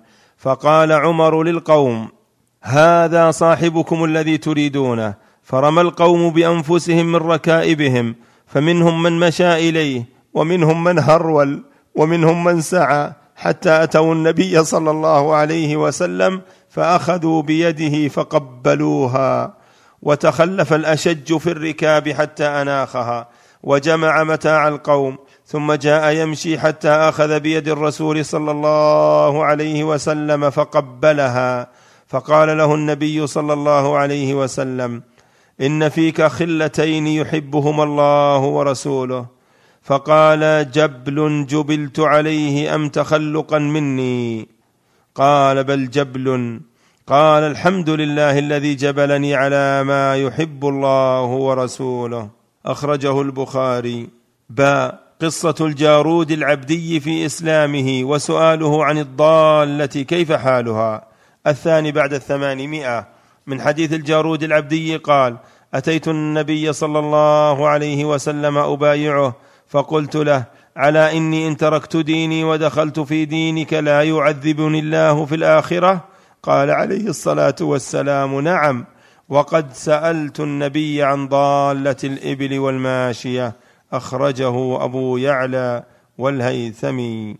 الثالث بعد الثمانمائة من حديث الجارود أن رسول الله صلى الله عليه وسلم قال ضالة المسلم حرق النار. أخرجه أحمد والترمذي. جيم ترحيب النبي صلى الله عليه وسلم بوفد عبد القيس وتفقيههم. الرابع بعد الثمانمائة. من حديث ابن عباس رضي الله عنهما قال إن وفد عبد القيس أتوا رسول الله صلى الله عليه وسلم. فقال رسول الله صلى الله عليه وسلم من الوفد أو من القوم؟ قالوا ربيعة. قال عليه الصلاة والسلام مرحبا بالقوم أو بالوفد غير خزايا ولا النداما قال فقالوا يا رسول الله إنا نأتيك من شقة بعيدة وإن بيننا وبينك هذا الحي من كفار مضر وإنا لا نستطيع أن نأتيك إلا في شهر حرام. فمرنا بأمر فصل نخبر به من وراءنا ندخل به الجنة. قال فأمرهم بأربع ونهاهم عن أربع. قال أمرهم بالإيمان بالله وحده وقال عليه الصلاة والسلام هل تدرون ما الإيمان بالله؟ قالوا الله ورسوله أعلم. قال عليه الصلاة والسلام شهادة أن لا إله إلا الله وأن محمدا رسول الله وإقام الصلاة وإيتاء الزكاة وصوم رمضان وأن تؤدوا خمسا من المغنم. ونهاهم عن الدباء والحنتم والمزفة وربما قال النقير أو المقير وقال احفظوه وأخبروا به من وراءكم. أخرجه البخاري ومسلم. قلت وفي رواية أبي سعيد الخدري زيادة طريفة الخامس بعد الثمانمائة. من حديث أبي سعيد الخدري رضي الله عنه قال إن أناسا من عبد القيس قدموا على رسول الله صلى الله عليه وسلم فقالوا يا نبي الله إنا حي من ربيعة وبيننا وبينك كفار مضر ولا نقدر عليك إلا في أشهر الحرم فمرنا بأمر نأمر به من وراءنا وندخل به الجنة إذا نحن أخذنا به. فقال رسول الله صلى الله عليه وسلم عبد القيس آمركم بأربع وأنهاكم عن أربع. اعبدوا الله ولا تشركوا به شيئا وأقيموا الصلاة وآتوا الزكاة وصوموا رمضان وأعطوا الخمس من الغنائم وأنهاكم عن أربع. عن الدباء والحنتم والمزفة والنقير. قالوا يا نبي الله ما علمك بالنقير؟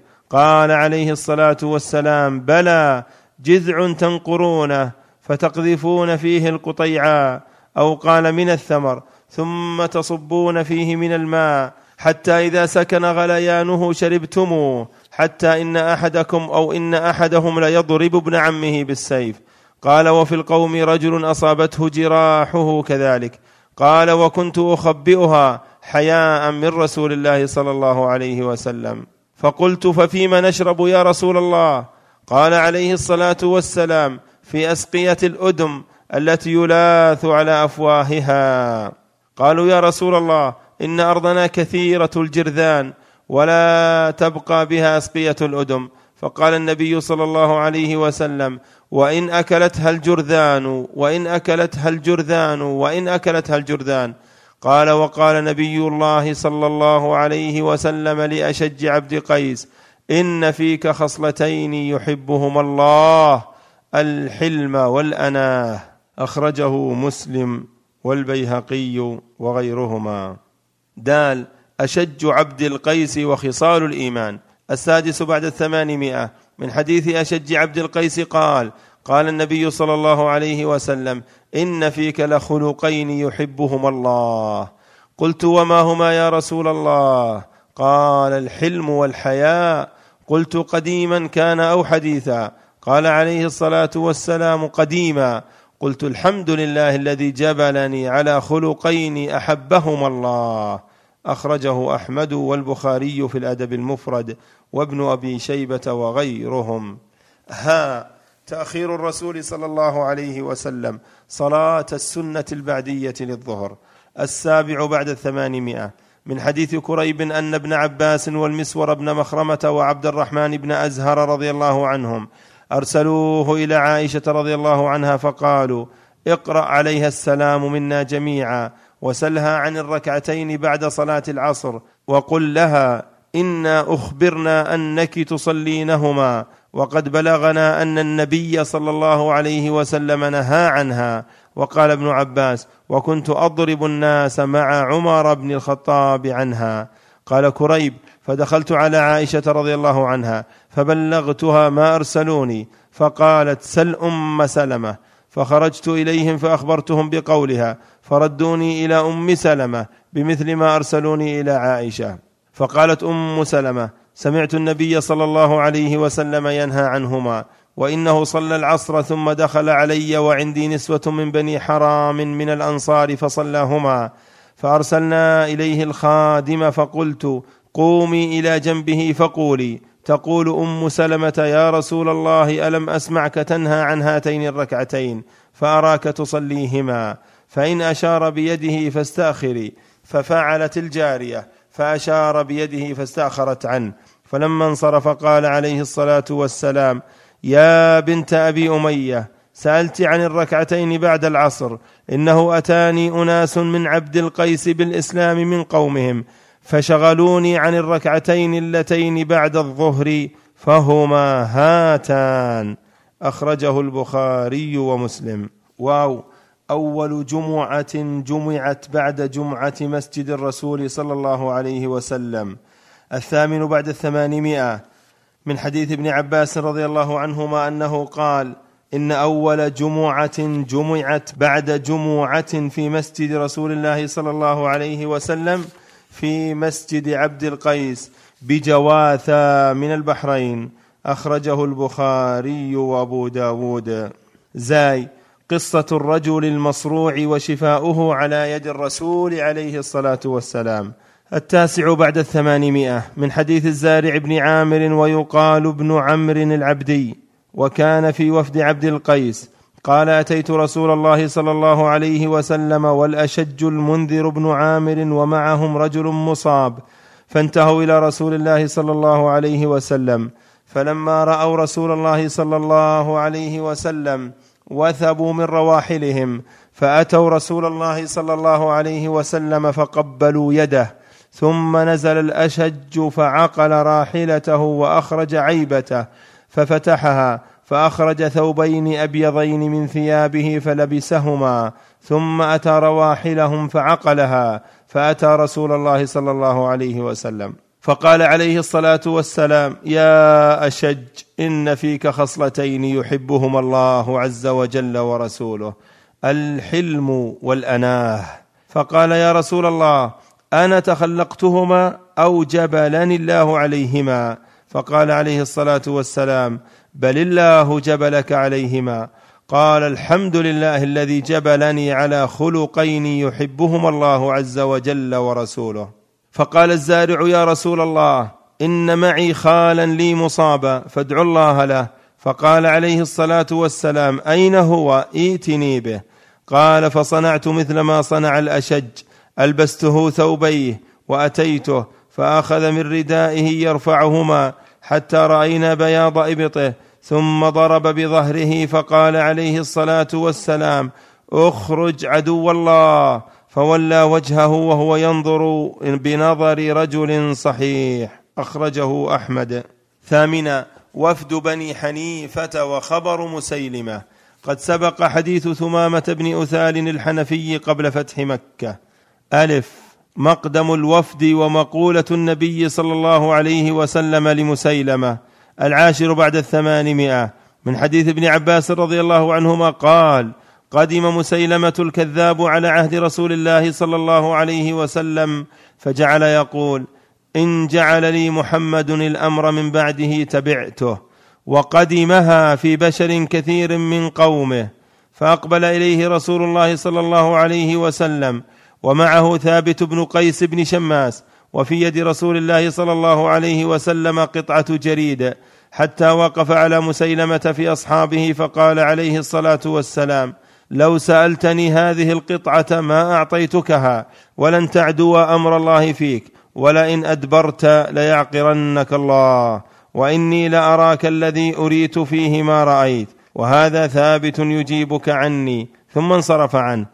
قال ابن عباس فسألت عن قول رسول الله صلى الله عليه وسلم وإني لأراك الذي أريت فيه ما أريت.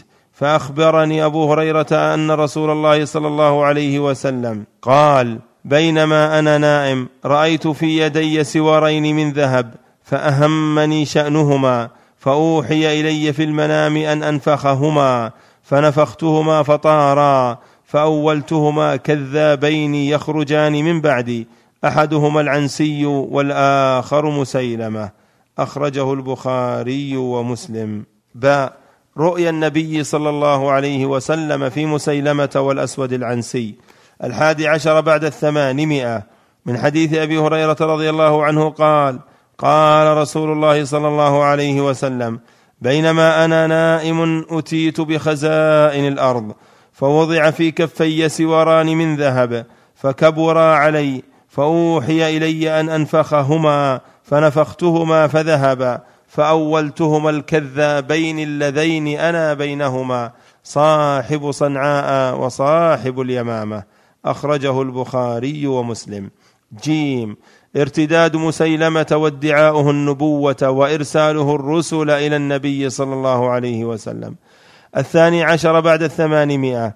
من حديث نعيم بن مسعود الأشجعي رضي الله عنه قال سمعت رسول الله صلى الله عليه وسلم يقول حين قرأ كتاب مسيلمة الكذاب قال للرسولين فما تقولان أنتما؟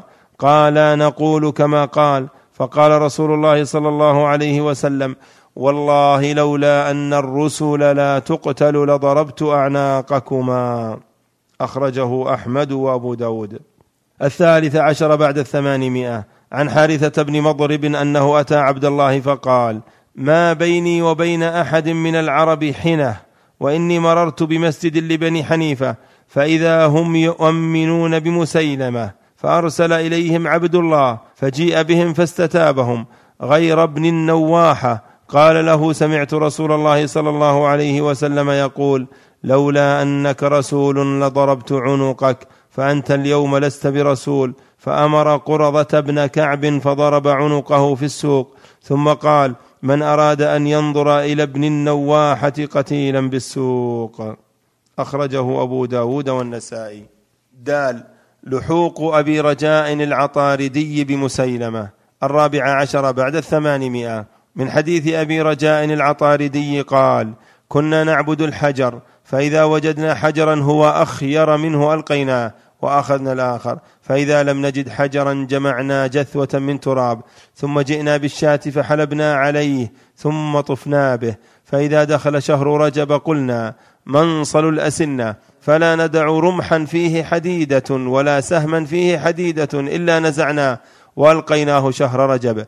وقال أبو رجاء كنت يوم بعث النبي صلى الله عليه وسلم غلاما أرعى الإبل على أهلي. فلما سمعنا بخروجه فررنا إلى النار إلى مسيلمة الكذاب. أخرجه البخاري. تاسعا قدوم وفد الأشعريين. ألف. ارتجاز القوم عند قدومهم وفرحهم بلقاء الرسول عليه الصلاة والسلام. الخامس عشر بعد الثمانمائة. من حديث أنس رضي الله عنه قال قال رسول الله صلى الله عليه وسلم يقدم عليكم أقوام هم أرق منكم قلوبا.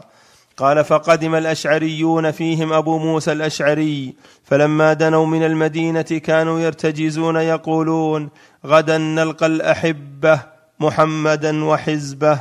أخرجه أحمد وإسناده صحيح والبيهقي وأبو يعلى. وقد سبق ذكر قدوم أبي موسى الأشعري مع قدوم جعفر من الحبشة في أثناء غزوة خيبر. ويحتمل أنه عاد إلى قومه ثم عاد بهم في وفد الأشعريين إلى رسول الله صلى الله عليه وسلم.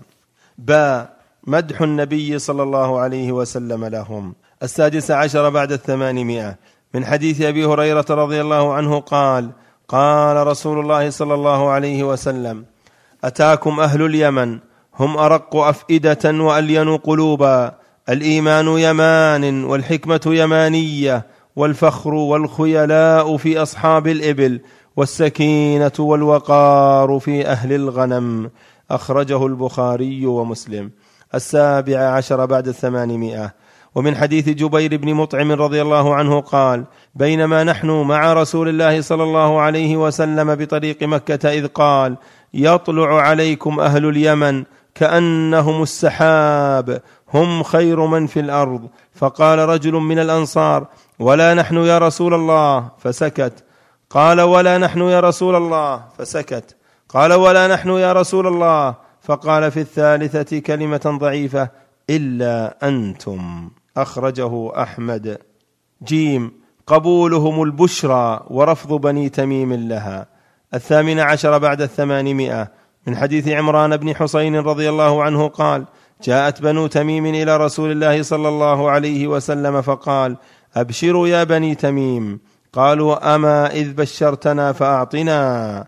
فتغير وجه رسول الله صلى الله عليه وسلم. فجاء ناس من أهل اليمن. فقال النبي صلى الله عليه وسلم اقبلوا البشرى إذ لم يقبلها بنو تميم. قالوا قد قبلنا يا رسول الله. دال أهل اليمن مقر الإيمان ونجد مطلع قرن الشيطان. التاسع عشر بعد الثمانمائة. من حديث أبي مسعود الأنصاري رضي الله عنه قال إن النبي صلى الله عليه وسلم قال الإيمان ها هنا وأشار إلى اليمن. والجفاء وغلظ القلب في الفدادين عند أصول أذناب الإبل من حيث يطلع قرنا الشيطان ربيعة ومضر. والفدادين جمع فدان الذين يملكون الكثير من الجمال والإبل أخرجه البخاري ومسلم. عاشرة وفد مزينة. العشرون بعد الثمانمائة. من حديث النعمان بن مقرن رضي الله عنه قال قدمنا على رسول الله صلى الله عليه وسلم في أربعمائة من مزينة فأمرنا رسول الله صلى الله عليه وسلم بأمره. فقال بعض القوم يا رسول الله ما لنا طعام نتزوده؟ فقال النبي صلى الله عليه وسلم لعمر زودهم. فقال ما عندي إلا فاضلة من تمر وما أراها تغني عنهم شيئا. فقال انطلق فزودهم. فانطلق بنا إلى عليه له فإذا فيها ثمر مثل البكر الأورق. فقال خذوا. فأخذ القوم حاجتهم. قال وكنت أنا في آخر القوم. قال فالتفت وما أفقد موضع تمره. وقد احتمل منه أربعمائة رجل. أخرجه أحمد وأبو نعيم والطبراني. الحادي عشر وفد دوس. ألف. دعاء النبي صلى الله عليه وسلم بأن يهديهم الله. الحادي والعشرون بعد الثمانمائة. من حديث أبي هريرة رضي الله عنه قال جاء الطفيل بن عمرو إلى النبي صلى الله عليه وسلم فقال إن دوسا قد هلكت عصت وأبت فادعوا الله عليهم. فقال عليه الصلاة والسلام اللهم اهد دوسا وأت بهم. أخرجه البخاري ومسلم. با قصة غلام أبي هريرة. الثاني والعشرون بعد الثمانمائة.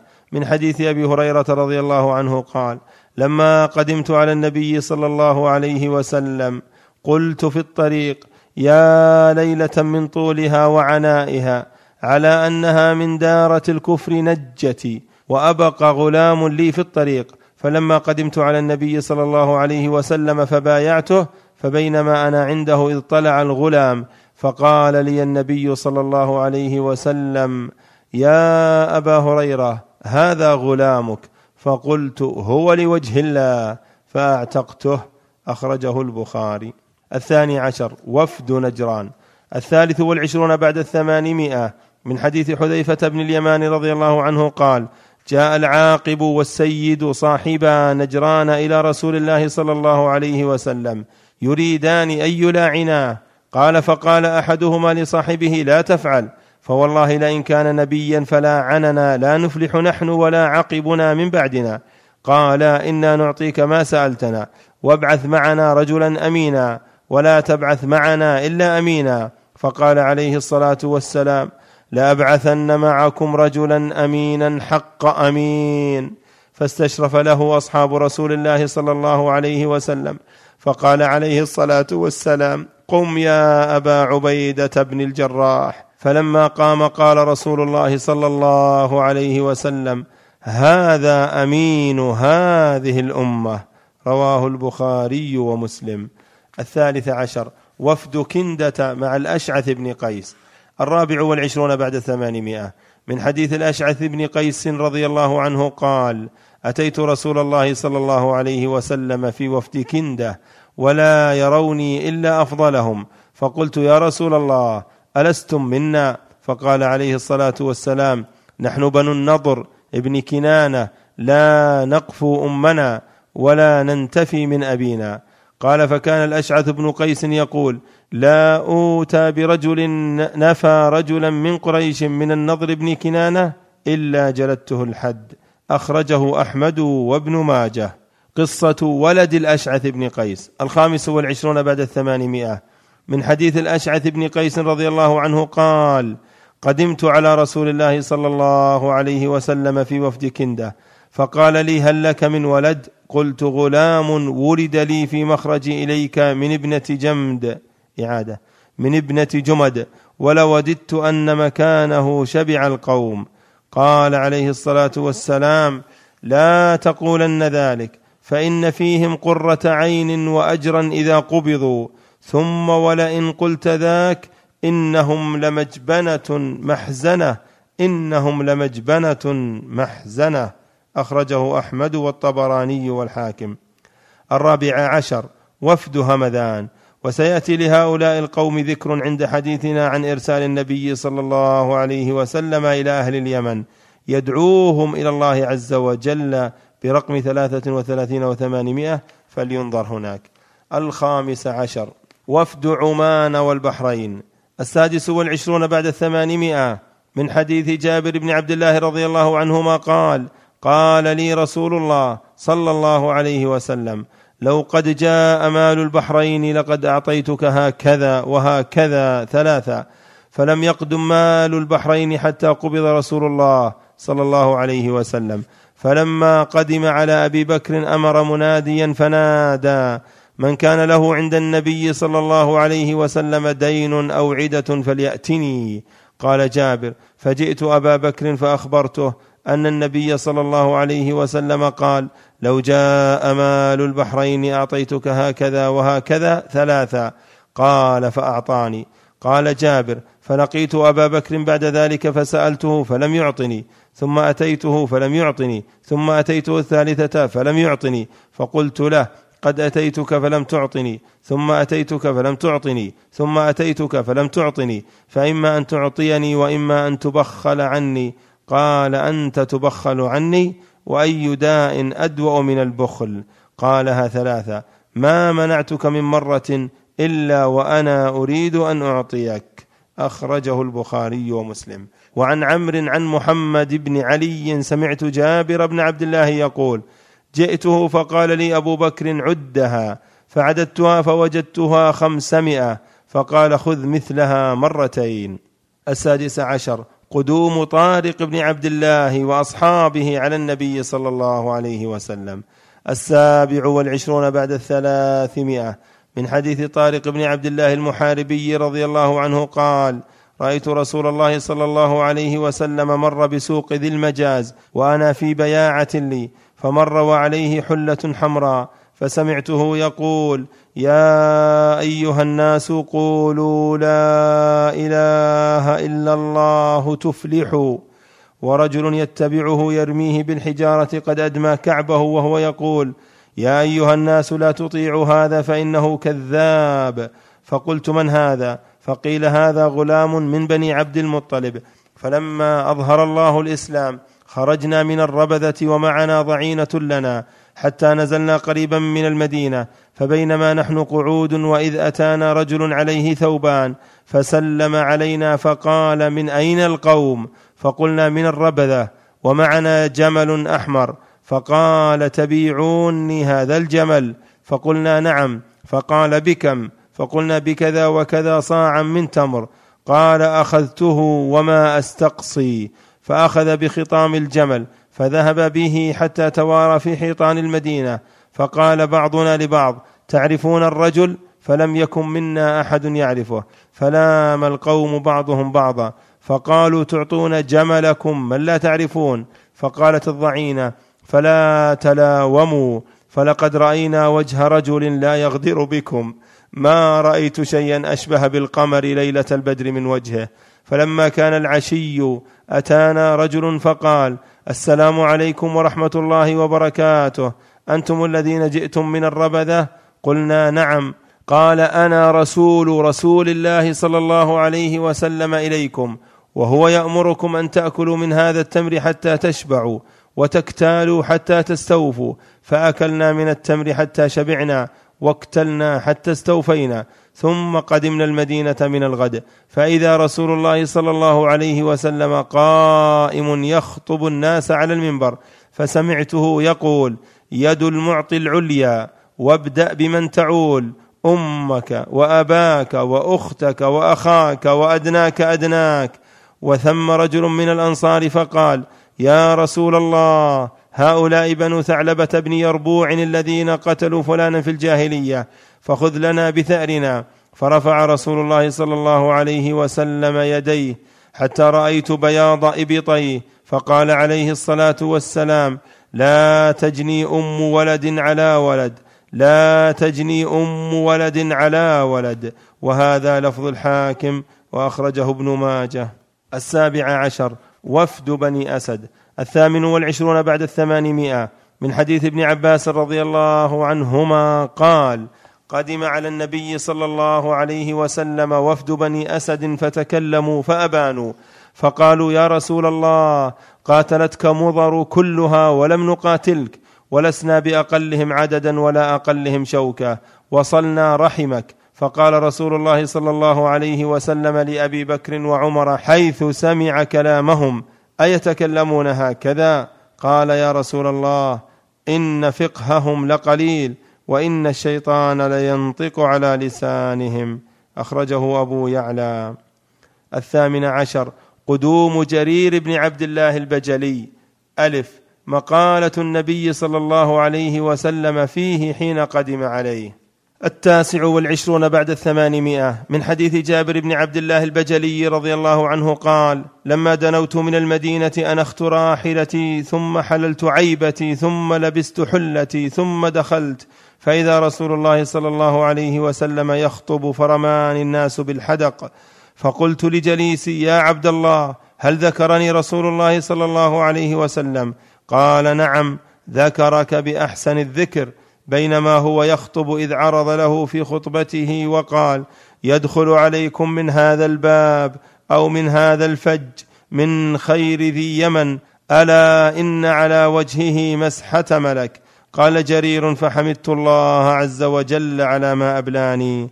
أخرجه أحمد والطبراني. باء تبسم الرسول صلى الله عليه وسلم له كلما رآه الثلاثون بعد الثمانمائة. من حديث جرير بن عبد الله البجلي رضي الله عنه قال ما حجبني عنه رسول الله صلى الله عليه وسلم منذ أسلمت ولا رآني إلا تبسم. أخرجه أحمد والبخاري. جيم سريته لتخريب ذي الخلصة. الحادي والثلاثون بعد الثمانمائة. من حديث جرير بن عبد الله رضي الله عنه قال قال لي رسول الله صلى الله عليه وسلم ألا تريحني من ذي الخلصة؟ فقلت بلى. فانطلقت في خمسين ومائة فارس من أحمس.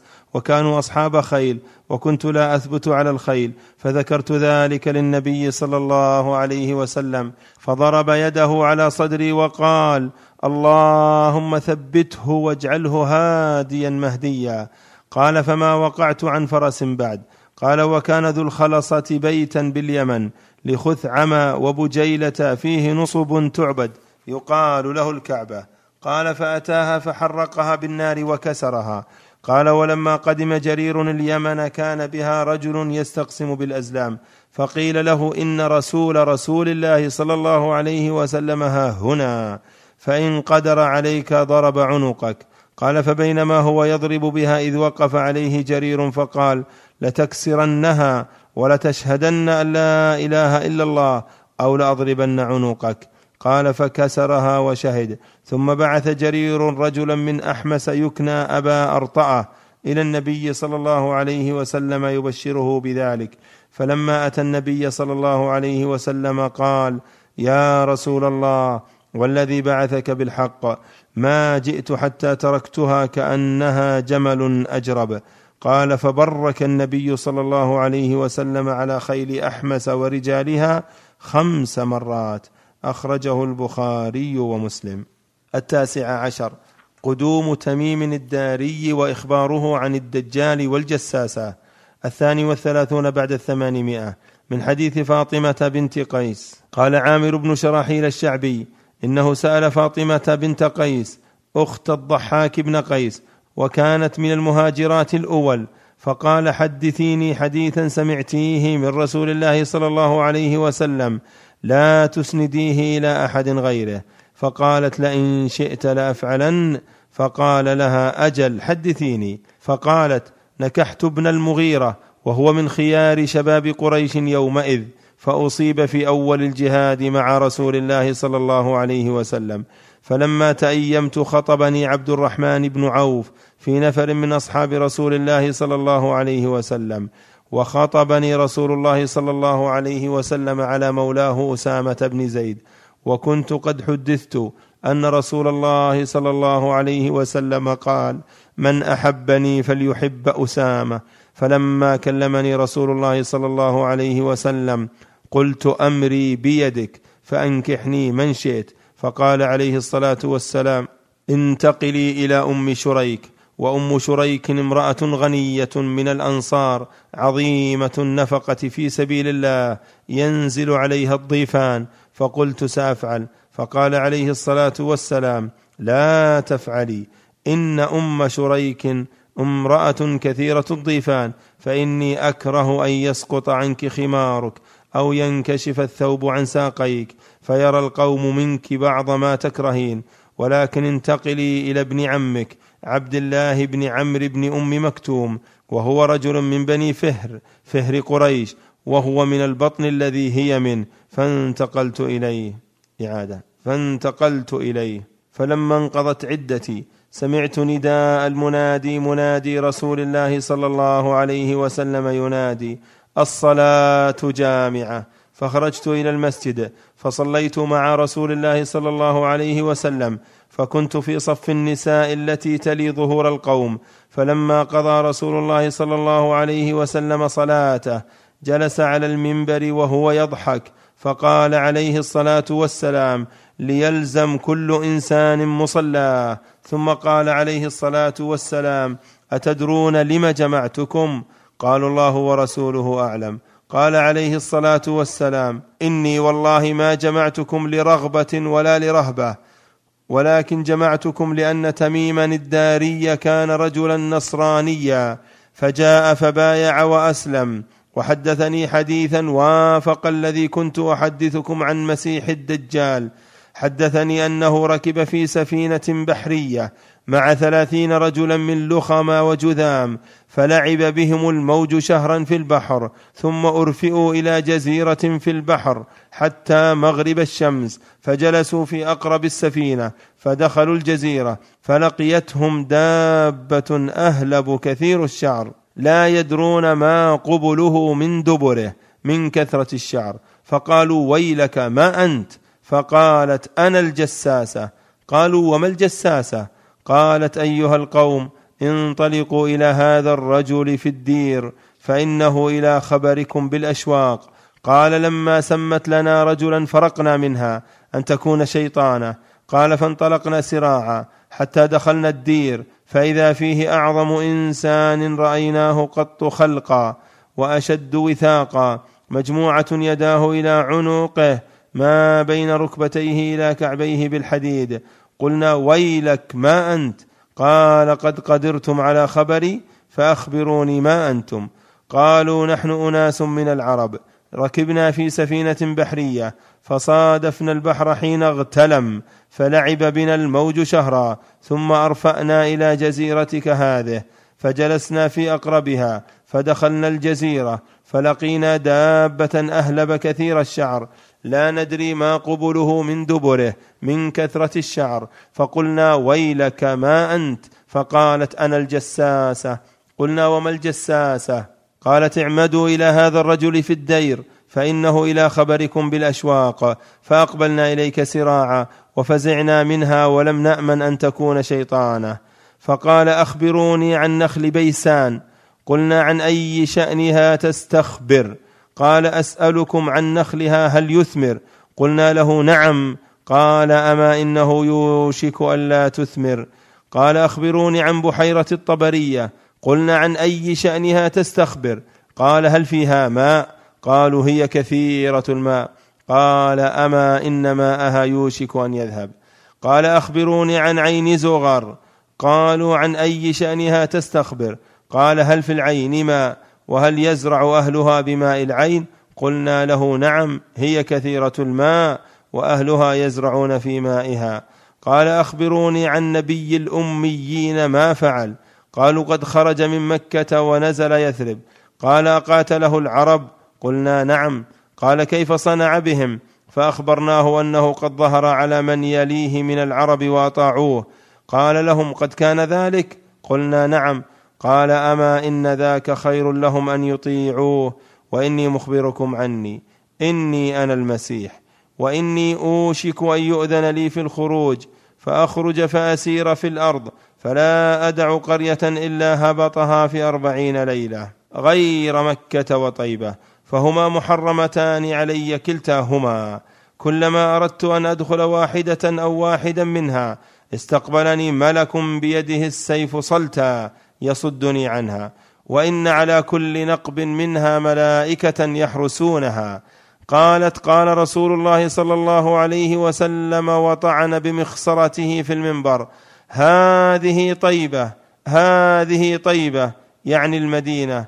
ألا هل كنت حدثتكم ذلك؟ قال الناس نعم. قال عليه الصلاة والسلام فإنه أعجبني حديث تميم أنه وافق الذي كنت أحدثكم عنه وعن المدينة ومكة. ألا إنه في بحر الشام أو بحر اليمن؟ لا بل من قبل المشرق. ما هو من قبل المشرق؟ ما هو من قبل المشرق؟ ما هو وأومأ بيده إلى المشرق؟ قالت فحفظت هذا من رسول الله صلى الله عليه وسلم. أخرجه مسلم والترمذي. العشرون رسل النبي صلى الله عليه وسلم إلى أهل اليمن. ألف إرسال علي وخالد إلى همدان. الثالث والثلاثون بعد الثمانمائة. من حديث البراء بن عازب رضي الله عنهما قال إن النبي صلى الله عليه وسلم بعث خالد بن الوليد إلى أهل اليمن يدعوهم إلى الإسلام. قال البراء فكنت في من خرج مع خالد بن الوليد فأقمنا ستة أشهر ندعوهم إلى الإسلام فلم يجيبوه. ثم إن النبي صلى الله عليه وسلم بعث علي بن أبي طالب رضي الله عنه فأمره أن يقفل خالدا إلى رجل كان ممن يمم مع خالد ومن أحب أن يعقب مع علي فليعقب معه. قال البراء فكنت في من عقب مع علي فلما دنونا من القوم خرجوا لنا فصلى بنا علي ثم صفنا صفا واحدا ثم تقدم بين أيدينا. وقرأ عليهم كتاب رسول الله صلى الله عليه وسلم فأسلمت همدان جميعا. فكتب علي إلى رسول الله صلى الله عليه وسلم بإسلامهم. فلما قرأ رسول الله صلى الله عليه وسلم الكتاب خر ساجدا. ثم رفع رأسه فقال السلام على همدان. السلام على همدان. أخرجه البخاري. باء إرسال معاذ وأبي موسى إلى اليمن. الرابع والثلاثون بعد الثمانمائة. من حديث أبي موسى الأشعري قال أقبلت إلى النبي صلى الله عليه وسلم ومعي رجلان من الأشعريين أحدهما عن يميني والآخر عن شمالي وكلاهما سأل العمل والنبي صلى الله عليه وسلم يستاك. فقال عليه الصلاة والسلام ما تقول يا أبا موسى أو يا عبد الله بن قيس؟ قلت والذي بعثك بالحق ما اطلعاني على ما في أنفسهما وما شعرت أنهما يطلبان العمل وكأني أنظر إلى سواكه تحت شفته قلصت. قال عليه الصلاة والسلام لن نستعمل أو لا نستعمل على عملنا من اراده ولكن اذهب أنت يا أبا موسى أو يا عبد الله بن قيس. فبعثه على اليمن ثم أتبعه معاذ بن جبل. قال فلما قدم عليه معاذ قال انزل وألقى له وسادة وإذا رجل عنده موثق قال ما هذا؟ قال كان يهوديا فأسلم ثم رجع إلى دينه دين السوء قال لا أجلس حتى يقتل قضاء الله ورسوله قال نعم اجلس قال لا أجلس حتى يقتل قضاء الله ورسوله ثلاث مرات فأمر به فقتل ثم تذاكر قيام الليل فقال معاذ أما أنا فأنام وأقوم أو أقوم وأنام وأرجو في نومتي ما أرجو في قومتي. أخرجه البخاري ومسلم. ومن لفظ آخر ما نصه بعث النبي صلى الله عليه وسلم أبا موسى ومعاذا إلى اليمن فقال عليه الصلاة والسلام يسرا ولا تعسرا وبشرا ولا تنفرا وتطاوعا. فقال أبو موسى يا نبي الله إن أرضنا فيها شراب من الشعير المزر وشراب من العسل البتع. فقال عليه الصلاة والسلام كل مسكر حرام فانطلقا. فقال معاذ لأبي موسى كيف تقرأ القرآن؟ قال قائما وقاعدا وعلى راحلتي وأتفوقه تفوقا. قال أما أنا فأنام وأقوم. فأحتسب نومتي كما أحتسب قومتي. وضرب فسطاطا فجعلا يتزاوران فزار معاذ أبا موسى فإذا رجل موثق فقال ما هذا؟ فقال أبو موسى يهودي أسلم ثم ارتد. قال معاذ لأضربن عنقه. جيم. وصية الرسول صلى الله عليه وسلم لمعاذ عليه رضوان الله. الخامس والثلاثون بعد الثمانمائة. من حديث ابن عباس رضي الله عنهما قال قال رسول الله صلى الله عليه وسلم لمعاذ بن جبل حين بعثه إلى اليمن إنك ستأتي قوما من أهل الكتاب فإذا جئتهم فادعهم إلى أن يشهدوا أن لا إله إلا الله وأن محمدا رسول الله فانهم أطاعوك لك بذلك فأخبرهم أن الله قد فرض عليهم خمس صلوات في كل يوم وليلة فانهم أطاعوك بذلك فأخبرهم أن الله قد فرض عليهم صدقة تؤخذ من أغنيائهم فترد على فقرائهم فانهم أطاعوا لك بذلك فإياك وكرائم أموالهم واتق دعوة المظلوم فإنه ليس بينه وبين الله حجاب. أخرجه البخاري ومسلم. دال إخبار النبي صلى الله عليه وسلم لمعاذ بأنه لن يراه. السادس والثلاثون بعد الثمانمائة.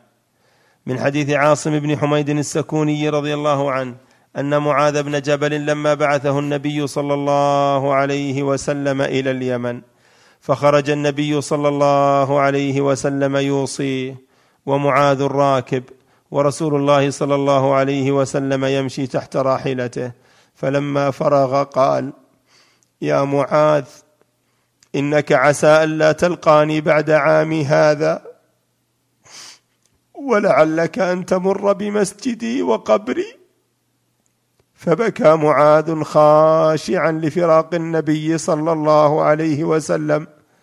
فقال له النبي صلى الله عليه وسلم لا تبكي يا معاذ البكاء أو إن البكاء من الشيطان. أخرجه أحمد وسنده جيد.